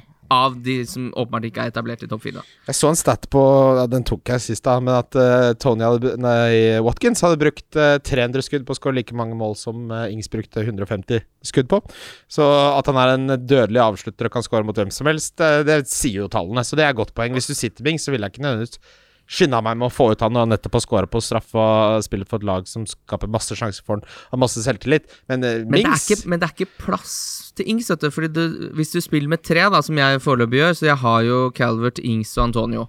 Men uh, jeg skal jo nedgradere Mares og selge. Ings og få en Lukaku. Hvis du Ja. skal spille med tre, så mener jeg Hvis du spiller med tre, så er fasit Calvert Lewin, Ings og Antonio.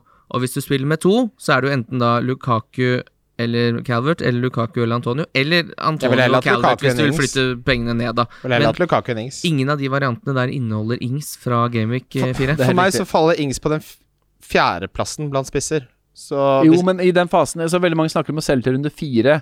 Ings har skåra en del mål på Stamford Bridge før, han. Og så Ja. er det Everton hjemme etter det igjen. Hovedproblemet er egentlig ikke akkurat det. For jeg er enig i at han er fixture-proof. og Han har jo fått med seg to skåringer nå på egentlig veldig lite. Fordi det Villa-laget har vært fullstendig skrøpelige. De har vært hjelpeløse. Det har vært det dårligste laget i Premier League omtrent til nå. Foruten kanskje Norwich, som har hatt en uh, stri turn. Mm. Altså, de har vært de, var, de ble feid av banen og var fullstendig elendige mot Watford. eh, og får med seg et par billige mål. Og så er de svake mot Newcastle, fortjener å ligge under. Få med seg den der eh, sinnssyke skåringa, da, til Ings, selvfølgelig. Ja. Får jo mye ut av ingenting, men, men det er jo Og så var han heller ikke på straffer da El Ghazi bare steppa opp. Nei, El Ghazi er på de straffene. Det er også Mm. negativt, selv om Ja. El Ghazi nok er ute av laget på et eller annet tidspunkt. Men eh, Bailey ser ut til å ta tid å få på banen. Eh, Buendiat ser ut til å ta tid for å få inn i systemet. De skal fylle noen sko etter Graylish her. Det kan bli Gareth Bale-syken for eh, Villa. Um, selv om de på papiret har hentet flotte erstattere, kan det i hvert fall ta tid da før det begynner å ligne et eller annet. Tottenham brukte jo uh, veldig mye penger og kjøpte mange gode spillere på papiret, men det tok tid. Og Men Ings var jo et kjempekjøp. Altså, jeg, jeg, jeg, jeg, jeg er i den båten Eller ikke, vi er ikke i noen båt. Å, oh, fy Har faen. du tatt turen opp i Å, oh, gud. Uh, men jeg er i den derre ikke kjøp, ikke selg, ja, på Ings. Ja, før nå. Du selger han jo selvfølgelig ikke nå uh, før Men neste kamp. kjøpe men det ville jeg aldri funnet på. Jeg ville Nei. prioritert Lukaku foran. Jeg ville det er ikke så lett. Nei, men uansett. Calvert Lewin er da må du, nei, men det er ikke så lett. Du får til alt du vil her i verden. Jo, jo. Men, Ja. men når øh, Kim sa det at min plan er å selge Mares og oppgradere Ings til Lukaku øh, går før neste, da, formoder jeg, Ja. det høres jo ut som enda et kjempegodt argument for å ha Mares, og ikke minst å droppe det Son-kjøpet ditt. Fordi Mm. du kan jo faktisk komme deg ganske enkelt til eh, Lukaku uten den wildcard-veien som en del andre av oss er nødt til å streve med. Ja, fordi um, det, det er jo blitt en uh, jeg, jeg tenker vi ser på det samme, Jonas, at uh, i, etter Game Week 7 øh, Altså Game 7 så har Chelsea Chelsea Southampton hjemme. Det er også da en landslagspause rett før det. rett etter. Ja, rett etter, da, inn i runde åtte. Så det er jo en sånn Og i tillegg så er da kampprogrammet sånn at for Manchester United så snur det veldig. For Liverpool eh, snur det veldig i negativ forstand. For Liverpool snur det i positiv forstand, og det samme gjør det for City. Så da kan du få inn eh, de City-spillerne som, som har vist seg å være best, sammen med Liverpool og eh, kanskje en Chilwell og Lukaku. Så valgkartet wildcard inn mot Game Week 7 er jo der jeg er nå. Eh, Ja, men det kan man rett planlegge for nå. Men det Ja, er men jo ikke noe Det er jo det er- men det er vår gøy hvis man klarer å holde det. Det er vår Lukaku-plan, Jonas. Ja, jeg er litt enig i det. Men Ja. samtidig så syns jeg jo etter Anfield nå at Lukaku så så inn i helvete bra ut. At Villa hjemme, som har vært fryktelige, frister. Tottenham borte, som slipper til alt av skudd, frister veldig. Så er det riktignok City hjemme, men det kan vel gå alle veier, det. Og så er det den rekka. Så de som kommer seg på Lukaku tidlig, som tross alt ganske mange har gjort, da. Og det er ikke bare Malaysia 14, det, som kjøpte. Det var 300 og et eller annet. Hva er det Malaysia-referansene? Det har vært så mye Jeg skjønner ikke en dritt. Det det. Fortell meg om hva det er. Er det fordi det er så mange Det er sjukt mange som spiller i Malaysia? Ja, og Malaysia, Indonesia, India nedi der. Det unner jeg dem. Og de går inn, ser Oi, han har veldig mange poeng, han kjøper jeg. Ja. Det var sånn det jeg spilte jo- første to sesongene. Richard Dunn, rett inn. Få han rett inn. Men uh, Freddy Rovers spør jo om det. Har Malaysia Ja. fått for stor påvirkning på prissendingssystemet? Og det Hva skal man Nå gjøre? Nekte de Sitter man og strever Nei, man kan jo ikke det. Man sitter og Jo, man kunne kanskje landkorrigere at, hvis ikke en spiller ble kjøpt mye i Norge, England, der omkring, så hadde det ikke så mye å si. Ja, reinspikka. Ugreit. Veldig ugreit. Uh, og uh, jeg mener jo at man skal kunne parodiere asiatere fordi man skal likebehandle mennesker. Og her Ja. snakker vi om noe å ikke likebehandle. Fordi da uh, Det er rasisme, jeg er enig. Ja, Det kan man ikke gjøre. Nei. Men at det har fått stor, for, for stor påvirkning, det kommer jo hvor, an på hvor opptatt du er av pris, da.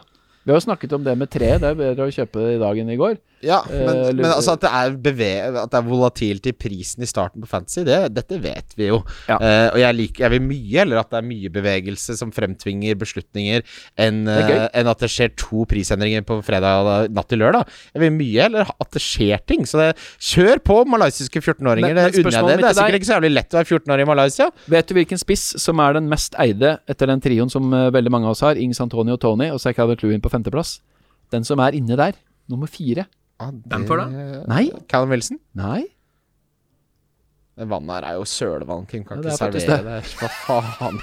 Men du, Har du du fjerde er mest, fjerde, fjerde mest eide Du må jo bare spissen. gi du- altså, Dette er jo bare vann Fjerde mest vært, eide spissen. Ja, hvem er det? Det er Lukaku! Ja, fy faen, der har folk hevet seg på. 19,2% eier Lukaku. Hvor mange kjenner du har kjøpt Lukaku? Jeg kjenner uh, han, uh, han som starter Fancy Football Scout, han, Ja. han har kjøpt han. Ja, det, og det er jo oppsiktsvekkende. Det er jo Jeg vet ikke hvor Han har har vel henta noen Mares-penger, sannsynligvis. Ja. Eh, Det er nesten Han har sikkert kan Ings, da. Er noe sånt Ings, Ings ut til og- Ma Lukaku, Ja. Mares til Ben det- Rama. Kan jo være noe man kan gjøre. Det får nesten ikke blitt dummere, på en måte. da Fordi altså, Nå snakker jeg om å gjøre dette byttet her seinere. Men det blir jo sånn dummere. jo, jo, men det skal være en landslagspause inni her, ikke sant. Men det er begrenset hvor lenge man skal sitte og vente på Lukaku da. Så kan man jo ikke ta det, gjøre det så tidlig heller.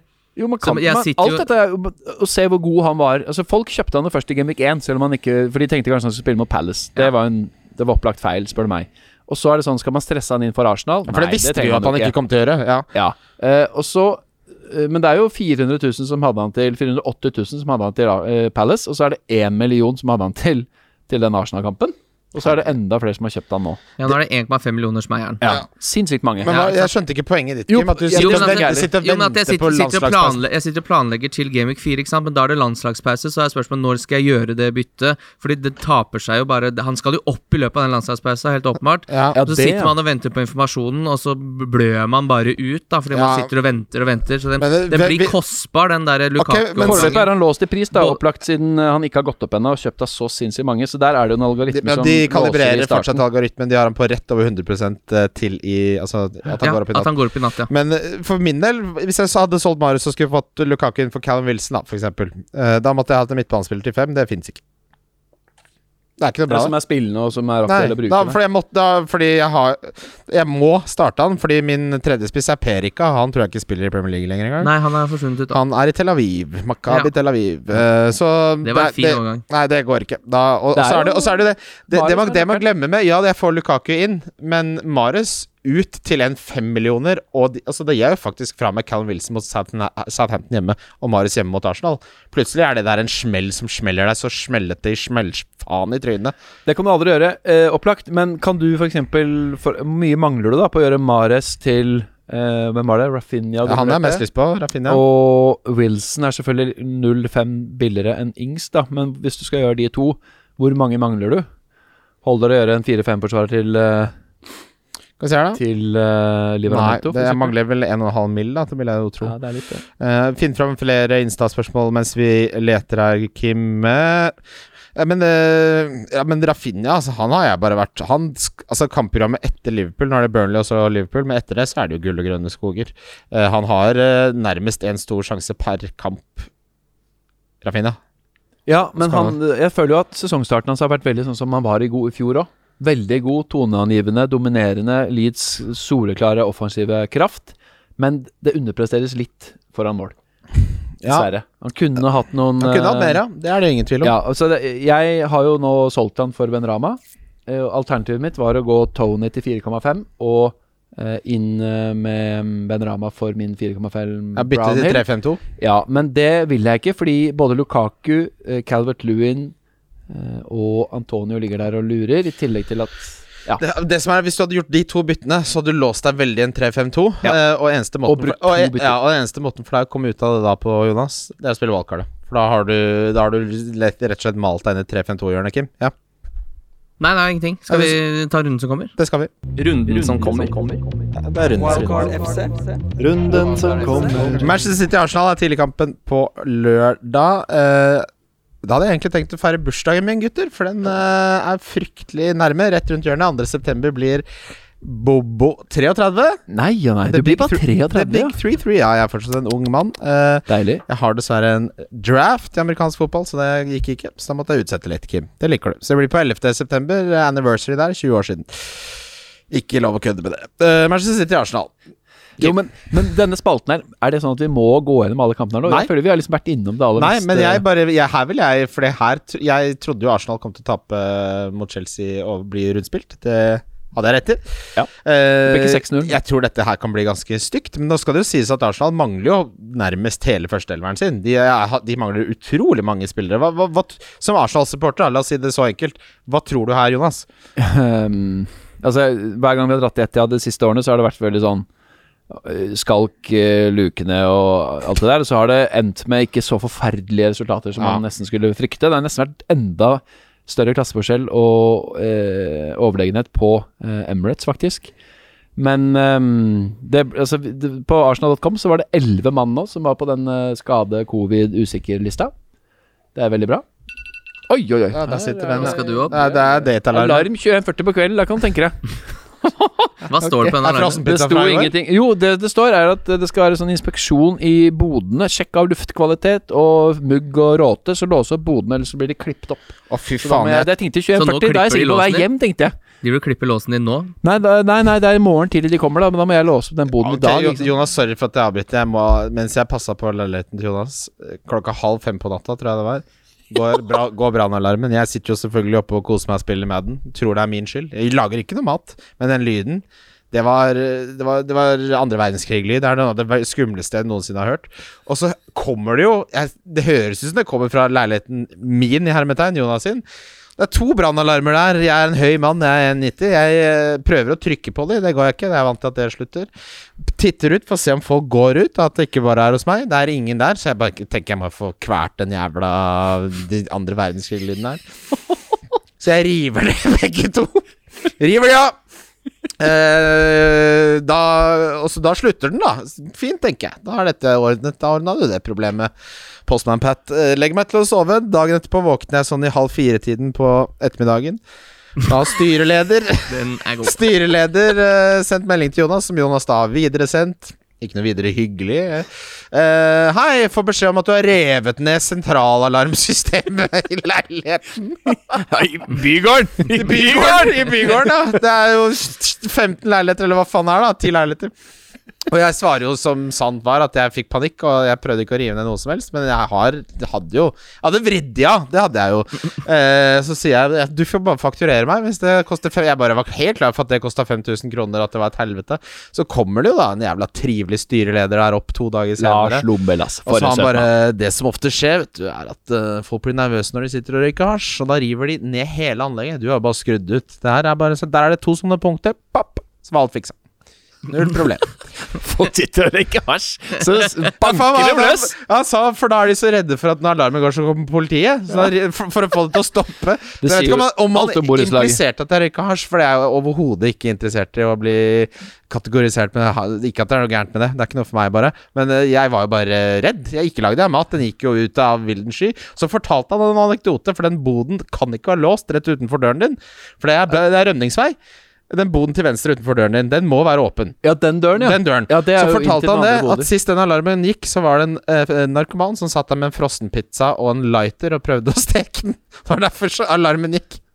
Så altså. Alle dager. Lars har historier, han. Lars har historier Men jeg skal ned i kjelleren, jeg. Den der mugg- og Ja, råtekjelleren. der har aldri jeg vært. Men eh, fortsett på Arsenal. Sorry, jeg, måtte, jeg kom på det nå. Frykta kom. Jeg har uh, få ingen forventninger til at Arsenal kommer til å skape noe som helst. De som sitter med Diaz, som fikk med seg 11 deilige poeng. Litt undersnakka, eller, før sesongen. Diaz Cancelo der, vet ikke. Ja. Uh, um, kommer i hvert fall til å få med seg en clean sheet, det er jeg helt sikker på. Så blir det ja, 2 eller 3-0, tipper jeg. Ganske sånn kontrollert. City gjør det de trenger. Eh, det er aldri en skikkelig fotballkamp, fordi Arsenal er helt parodisk underlegne. Ikke sånn som Norwich, kanskje, men ja. Det, det ser ikke bra ut. Og man mangler liksom Man mangler en høyreback, man mangler White, man mangler en eh, skikkelig keeper, man mangler kanskje Tierney, man mangler uh, Partey, man mangler Lacassette, man mangler Aubameyang, man mangler Saka i form. Man mangler det meste. Ja. Så det er trist, men sånn er det. Arsenal vil jeg tror jeg blir en tight eh, kamp. Ikke selv noen. Brentford har spilt mye bedre enn vi forventa. Brighton Everton litt det samme der. Jeg tror jeg Brentford kan frustrere oss Ja. Ings-eiere. Jeg Holder Wilson, eller? i Kampen neste gang, Newcastle-Southampton? Jeg, jeg tror troa der.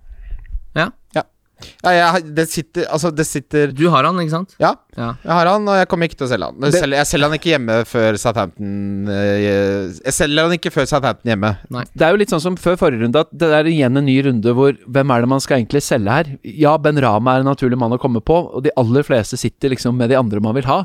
Kanskje man vil strekke seg etter Calvert Lewin, men eh, ikke før Brighton borte, må ikke det. Det er liksom Det er, Bortsett fra Ben Rama, så føler jeg liksom det er ingen sånn Å, Er, er det ikke coinflippa? Hvem som får mest av Calvin bort mot Brighton og Callum Wilson hjemme hos Southampton? Jeg Jeg tenker nesten det si er at 50-50. Wilson har større sjanse, Ja, og egentlig. Jeg tror Newcastle kommer til å skåre mer enn Everton. Eller ja, jeg vet da faen. Ikke sant? Og da er det sånn å bruke et bytte på Callum Wilson, da. Det, er, det virker Det er langsiktig, da. Hvis du har 0,6 i banken, det har man kanskje ikke, eh, og s- Ja, for det har jeg et bytte, og vil det svi, så er det jo på en måte Ikke sant, Jeg måtte bruke to uansett, så det er ikke liv laga. Norwich, Leicester, her må Leicester snu kjerringa.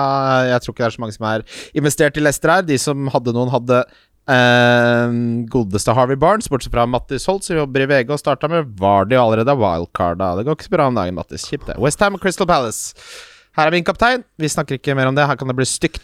Uh, bare en liten fun stat, eh, Kim. Uh, du skal få komme med et poeng, du også. Eh, Crystal Palace er det laget som snudde spillet desidert færrest forrige sesong. De gjorde det nesten aldri.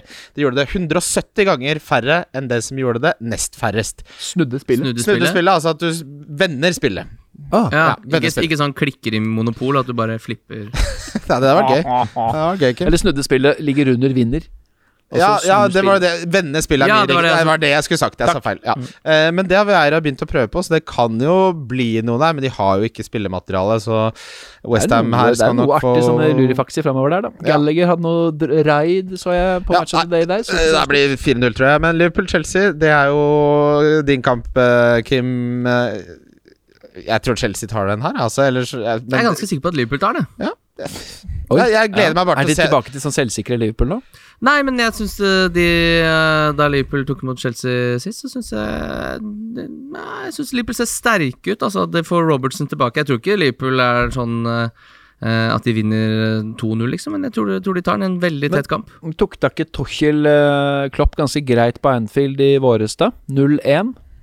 Det var riktignok da Liverpool var i svak form, da Ja. før det snudde igjen. Det var da de hadde seks på rad eh, med tap hjemme, men Jeg tror, uh, jeg tror det, vi får se et helt taktisk annet er det en jævlig spennende match, da. Ja. Jeg gleder meg skikkelig til den kampen. Skal match. være på Brann stadion og se Brann Haugesund samtidig som det. Det var litt Det var dårlig timing. Jeg Ja, den er ferdig for så. Den er ferdig litt før ja. Det er en sånn kamp som jeg ikke skal se på VG Live, men som jeg gleder meg til å bare se. Og jeg jeg, jeg driter litt i hvem jeg har i fantasy. Jeg har sjekka litt Salah-tall.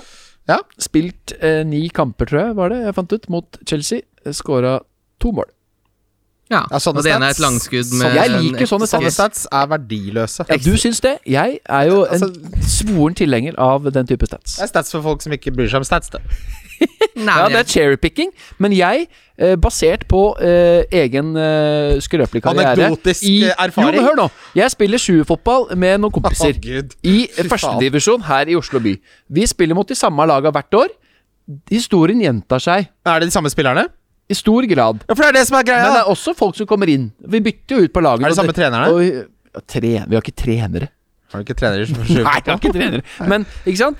Kampbilde, kampforløp. Noen motstandere står godt i oss, andre motstandere står ikke så godt. Noen eh, kamper har vi et psykologisk overtak, andre har vi et psykologisk under. Hvem er det som liksom markerer seg hvordan det, Den følelsen kjenner jeg veldig på. Men hva hvis da Salah nå scorer hat trick? Hva sier den? Hva den Da sier jeg at ingen regel uten unntak, men selv da de slo uh, Chelsea 5 Du hele garderer jo! da, nei, nei, nei, staten ja, ja, selvfølgelig kan det skje at Salah scorer hat trick. Ja, hva, Jeg sier bare at eh, hadde Salah scora åtte mål på elleve kamper mot Chelsea, hadde jeg vært mer optimistisk på at han skulle gjøre det okay. igjen, enn at han skal bryte en trend mot Chelsea. Jonas, det kjøper jeg. Jeg er enig i det og, poenget. Uh, og uansett så tror jeg at det her blir en relativt målfattig match. 1-1. i utgangspunktet. Under 2,5 vil ja. det være mitt tips. Men Ja, du eh, får bonus på over 2,5 på Nordic. men, men selv da det ble 5-3, den tullekampen i juli 2020 der, da det var covid, så uh, skåra jo Liverpool 5, opplagt. Salah hadde uh, ingen målpoeng, så vidt jeg husker. Så Nei, det, det er noe sånn, og Da husker jeg at han var helt frustrert og ville ha mål. Og bla bla Så, og spillere tenker på alt mulig sånn. Ja. Ja, å, er det et lag Jeg hører du sier det. mot sånn? Jeg hører du sier det. Jeg gleder meg til det. Jeg, Kan jo være revansjesugen som få, da. Ja, Når han det- det her at han ikke han har jo vært med Chelsea, fikk alle sjanser han skikkelig. fra- Klart han er Det her revansjesugen. Vært sånn der, eh, revansjesugen mange ganger. Da. Det blir jo sånn høyrebekken til andredivisjonslaget. Flint, uh, stemora hans har fått kreft, så nå er han dårlig på dødball. Ja, men- det her blir jo bare sånn Ja, det finne på ting. syltynn uh, syltynn Ja, det er referanse til egen verdiløst. det de kom jo nå rett fra Burnley, da, som Salah ikke er noe glad i. Åh, det Jeg sa det jo før runden! Salah kommer til å blanke. Nei, nå går vi videre til Burnley Leeds. Uh, vi har, jeg har ikke så mye å si her, annet enn at jeg eh, gleder meg til å Prøv å få inn Ailing. Nei, ikke Nei, men altså, sånn som Han er jo benkespiller hos de aller fleste. Han er inne i elven. Eller starte han her, ja? Jeg veldig troa på han. Ja. Jeg ville starte han. Det ville jeg gjort. Ja, men jeg, jeg kan ikke Jeg skjønner ikke hvem som ikke skal spille på laget mitt. Men, Hvem er det du har jeg- over i forsvaret? Bortsett fra Shaw og Trent? Det jeg ser at veldig mange starter Det er Kofal hjemme mot Ja, Crystal. Palace. Den syns jeg er bedre. Er du gæren? Og så er det Trent og Shaw. du har ikke. Simikast, du. Nei. Du, går, du er så reaksjonær, vet du. Jeg ser at mange starter Am... eh, herregud. Ja, Jota. Uh, han firemillionersspilleren fra Amartey, heter han. Ja. Ja. Eh, Han har eh, har vært veldig Han har vært blant de dårligste spillerne jeg så. Brennan Rogers sa noe annet. Det var bare court speak. Men Sjonsju var enda dårligere i går. ja, Westergård har fått uh, trent, blitt matchfit. Jeg hadde mye heller starta f.eks. Ailing enn uh, Amartey. Selv om han har finere kamp på papiret. Spurs Watford, eh, her har jeg veldig tro på Spurs. Jeg tror um, det kan Jeg tipper Harry Kane inne elveren igjen, jeg. Ja. Er ikke det liksom Ja, det blir litt sånn enten-eller nå. Fordi Når er det det vinduet stenger? Er det 1. september? 31. august, ja. Ja. Det er en uke igjen. Så jeg tror um, Men eh, Får Tottenham med sånn tidlig scoring og flowen, og det er og Watford har jo ikke vært spesielt imponerende. Var bra jo, de var bra mot Villa. Ja, bra mot Villa. Eh, men de slipper til to der, og så eh, er de underlegne mot Brighton. Så jeg tror at at eh, hvis Spurs får en tidlig goal, så blir det veldig grei hjemmeseier. Men de har jo hatt ganske mange eksempler på slitekamper i det her siste årene. Hvis ikke Kane eller Son har dagen, eller begge, så blir det en uh, trøblete match, da. Så Ja. jeg, vet ikke, vi får se. Eh, men det der suget etter å skulle hente en Son, eh, føler jeg er veldig borte. Ja, det, det var stort det. på mandag, og i dag er det tirsdag. Suget gir seg. Ja, du hadde det uh, selv etter liksom den Wolves Ja. Spurs-uttalelse om skade. Jeg hadde tenkt svak det, at jeg skal, spør, jeg skal ha. Son-kaptein mot Watford hjemme. Ok. Eh, Wolverhampton, Manchester United uh, Jeg tror Manchester United må ha en litt mer gjennomtenkt taktisk plan enn sett gode spillere i angrep og håpe at de finner på noe. Det var det litt det vi så sist. Varan skal inn her nå, eller? Nå er det på tide, vel? skal Sancho skal inn her nå, eller? Men nå er det nesten sånn at han skal inn for Maguire. Apropos spillere som underpresterte i forrige gang. Maguire var ikke bra i forrige ja, han er jo Det er, han har jo det som gjør at man aldri liksom klarer helt å ta han seriøst i den diskusjonen rundt de aller beste stopperne. Ikke sant? For han har sånne kamper hvor han er helt, Ja. uh, helt håpløs. Syns ikke Lindeløf heller var briljant. Men Nei, ja, eh, han- nærmer seg nå kanskje noe, eller? Ja, Det er vel bare match fitness matchfitness, men han er jo er det. Der er kanskje han får seg en kamp nå? Nei, han får ikke midtuka, han. Ja. Det Men, er, eh, del- det er en del lag som har reaksjon nå. Bare, bra. Ja, eh, Wolverhampton har også hatt ekstremt mange skudd uten å score. Uh, Jimenez syns jeg så god ut. Adamo Traoré har helt utrolig Brenner jo alt av sjanser. Han brenner jo alt han kan brennes kan. Eh, Han har rykter har du sett hvor mange mål han har skåra på 10 000 Premier League-minutter? Ja, men han er eh, sterkt lenka til uh, Spurs. Veldig Mm. sterkt lenka til Spurs, så det kan fort hende det skjer. Men det kampprogrammet til eh, Wolverhampton nå etter Manchester United er uh, helt fantastisk så i åtte kamper. Så bruk den kampen her til å scoute Wolverhampton. Kanskje Ait Nori skal melde seg på her. Vi skal videre til rundespillere. Wildcard FC. Wildcard FC. Rundeskaptein Jonas. Det er jo mer åpent enn eh, det kanskje blir hele sesongen, eller? Det er jo veldig mange potensielle valg nå. Jeg syns det, det konkluderer litt raskt på bare at det er Antonio. Vi satt vel egentlig med Hos meg er det Antonio en vurdering av at det kunne være både Bruno eller Sala, eller hvem er det som melder seg på, eh, før sesongen, på en måte. Eller, og det var derfor vi skulle stresse inn Son alle mann. Men nå ser jo Tot nei, Westham så bra ut at eh, det ender jo der. Ja, ja. Eh, de gjør jo det. Men Det er litt sånn eh, deilig at jeg ikke har Bruno nå, Fordi da slipper jeg å tenke på det. Fordi jeg, Salah syns jeg er uinteressant som kaptein mot eh, det Chelsea-laget her. Jeg tror hvis Liverpool vinner, så vinner de med 1-0. Vil dere ha noen Antonio Stats bare for krydder, eller? ja, prøv, Ja. prøv, prøv. Eh, vi kan jo Eh, skal vi se her skal bare finne De er sikkert litt bedre enn fra året, som har sju mål på 142 Så- kamper i Premier League. Antonio har hatt den beste Sju mål på 142 kamper! Antonio, så sykt. Antonio har hatt de beste to Altså Han hadde de beste starten med to, de første to gameweeksene i fantasy-historien. Wow. Så, så bra har det vært. Og det inkluderer en straffebom. Eh, det inkluderer, det inkluderer en straffebom. Herlighet, hvor skal pappa bare finne fram disse tallene her, da? Siden vi var innom Wolverhampton, jeg vil bare si det at han der Trincao Han hadde fire avslutninger på mål eh, forrige kamp, og allerede gått ned til 5-9.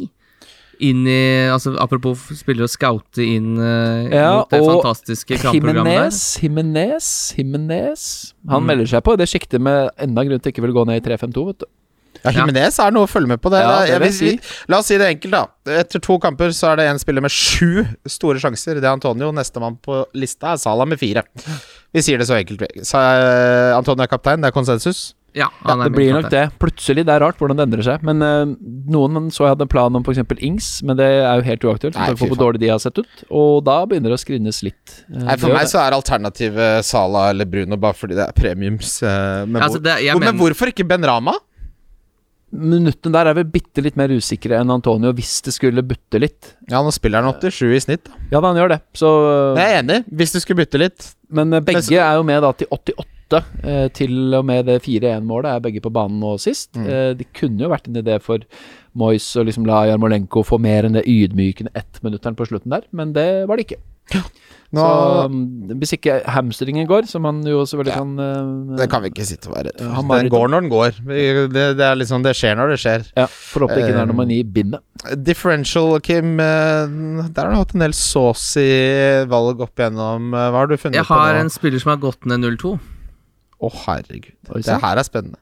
Jeg tror at Harry Kane starter mot Botford. Oh, fy faen. Og han er min diff med en eierandel på 7-3. Har han gått ned 0-2? Mm. Ja, Det er, jo, det er ikke så ja, ja. dumt, det med tanke på framtida. 12-3 er det han koster nå? Ja Wow. Sitter som en kule, den. Hvem har du på Ja, det diff, bedre Jonas? diff enn det blir det jo faktisk ikke. Da. Nei, det er, er Kim er helt rå på der. Ja, eh, den var pent, pent plukket. Jeg, eh, for min del, vi går for eh, Dette har jeg ikke tenkt over gjennom i det hele tatt, så du kan ta først, Wessel. Jeg skal ta min. Ja. Uh, jeg har ikke Jeg har laga middag i dag, ja. Skal vi se Jeg sitter jo og leiter etter Sant Ja, Maxim det tenk- 5,9 Ja, Er det Jeg hadde tenkt å si Rafinha, men jeg sier Leon Bailey ja. hjemme mot Brentford.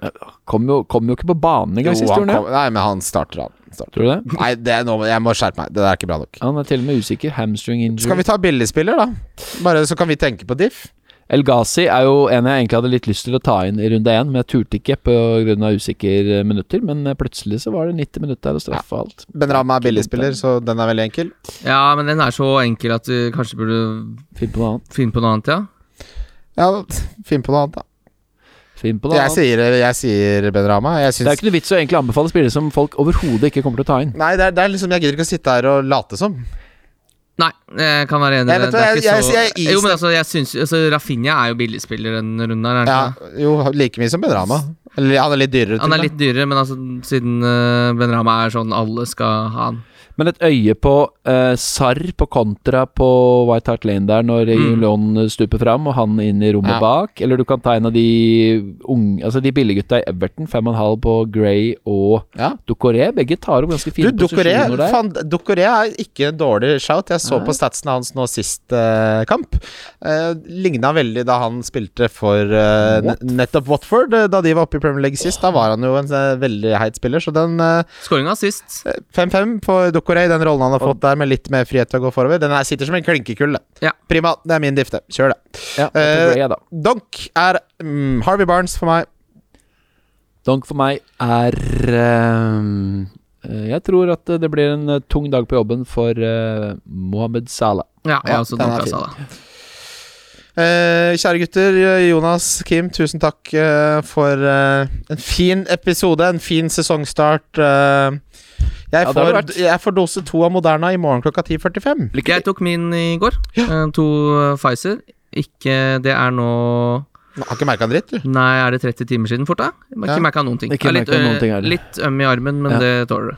Jeg ble dårlig av den første, forrige, så jeg skal opp til mamma etter jeg har tatt dose av to i morgen og få noen kjøttkaker. Opp til Berit! Ja, opp til Berit. Ja, det er helt riktig. Vi snakkes. Takk for at dere lyttet. Heia. Wildcard FC. Wildcard FC. Wildcard FC. Valgkart FC. Wildcard FC.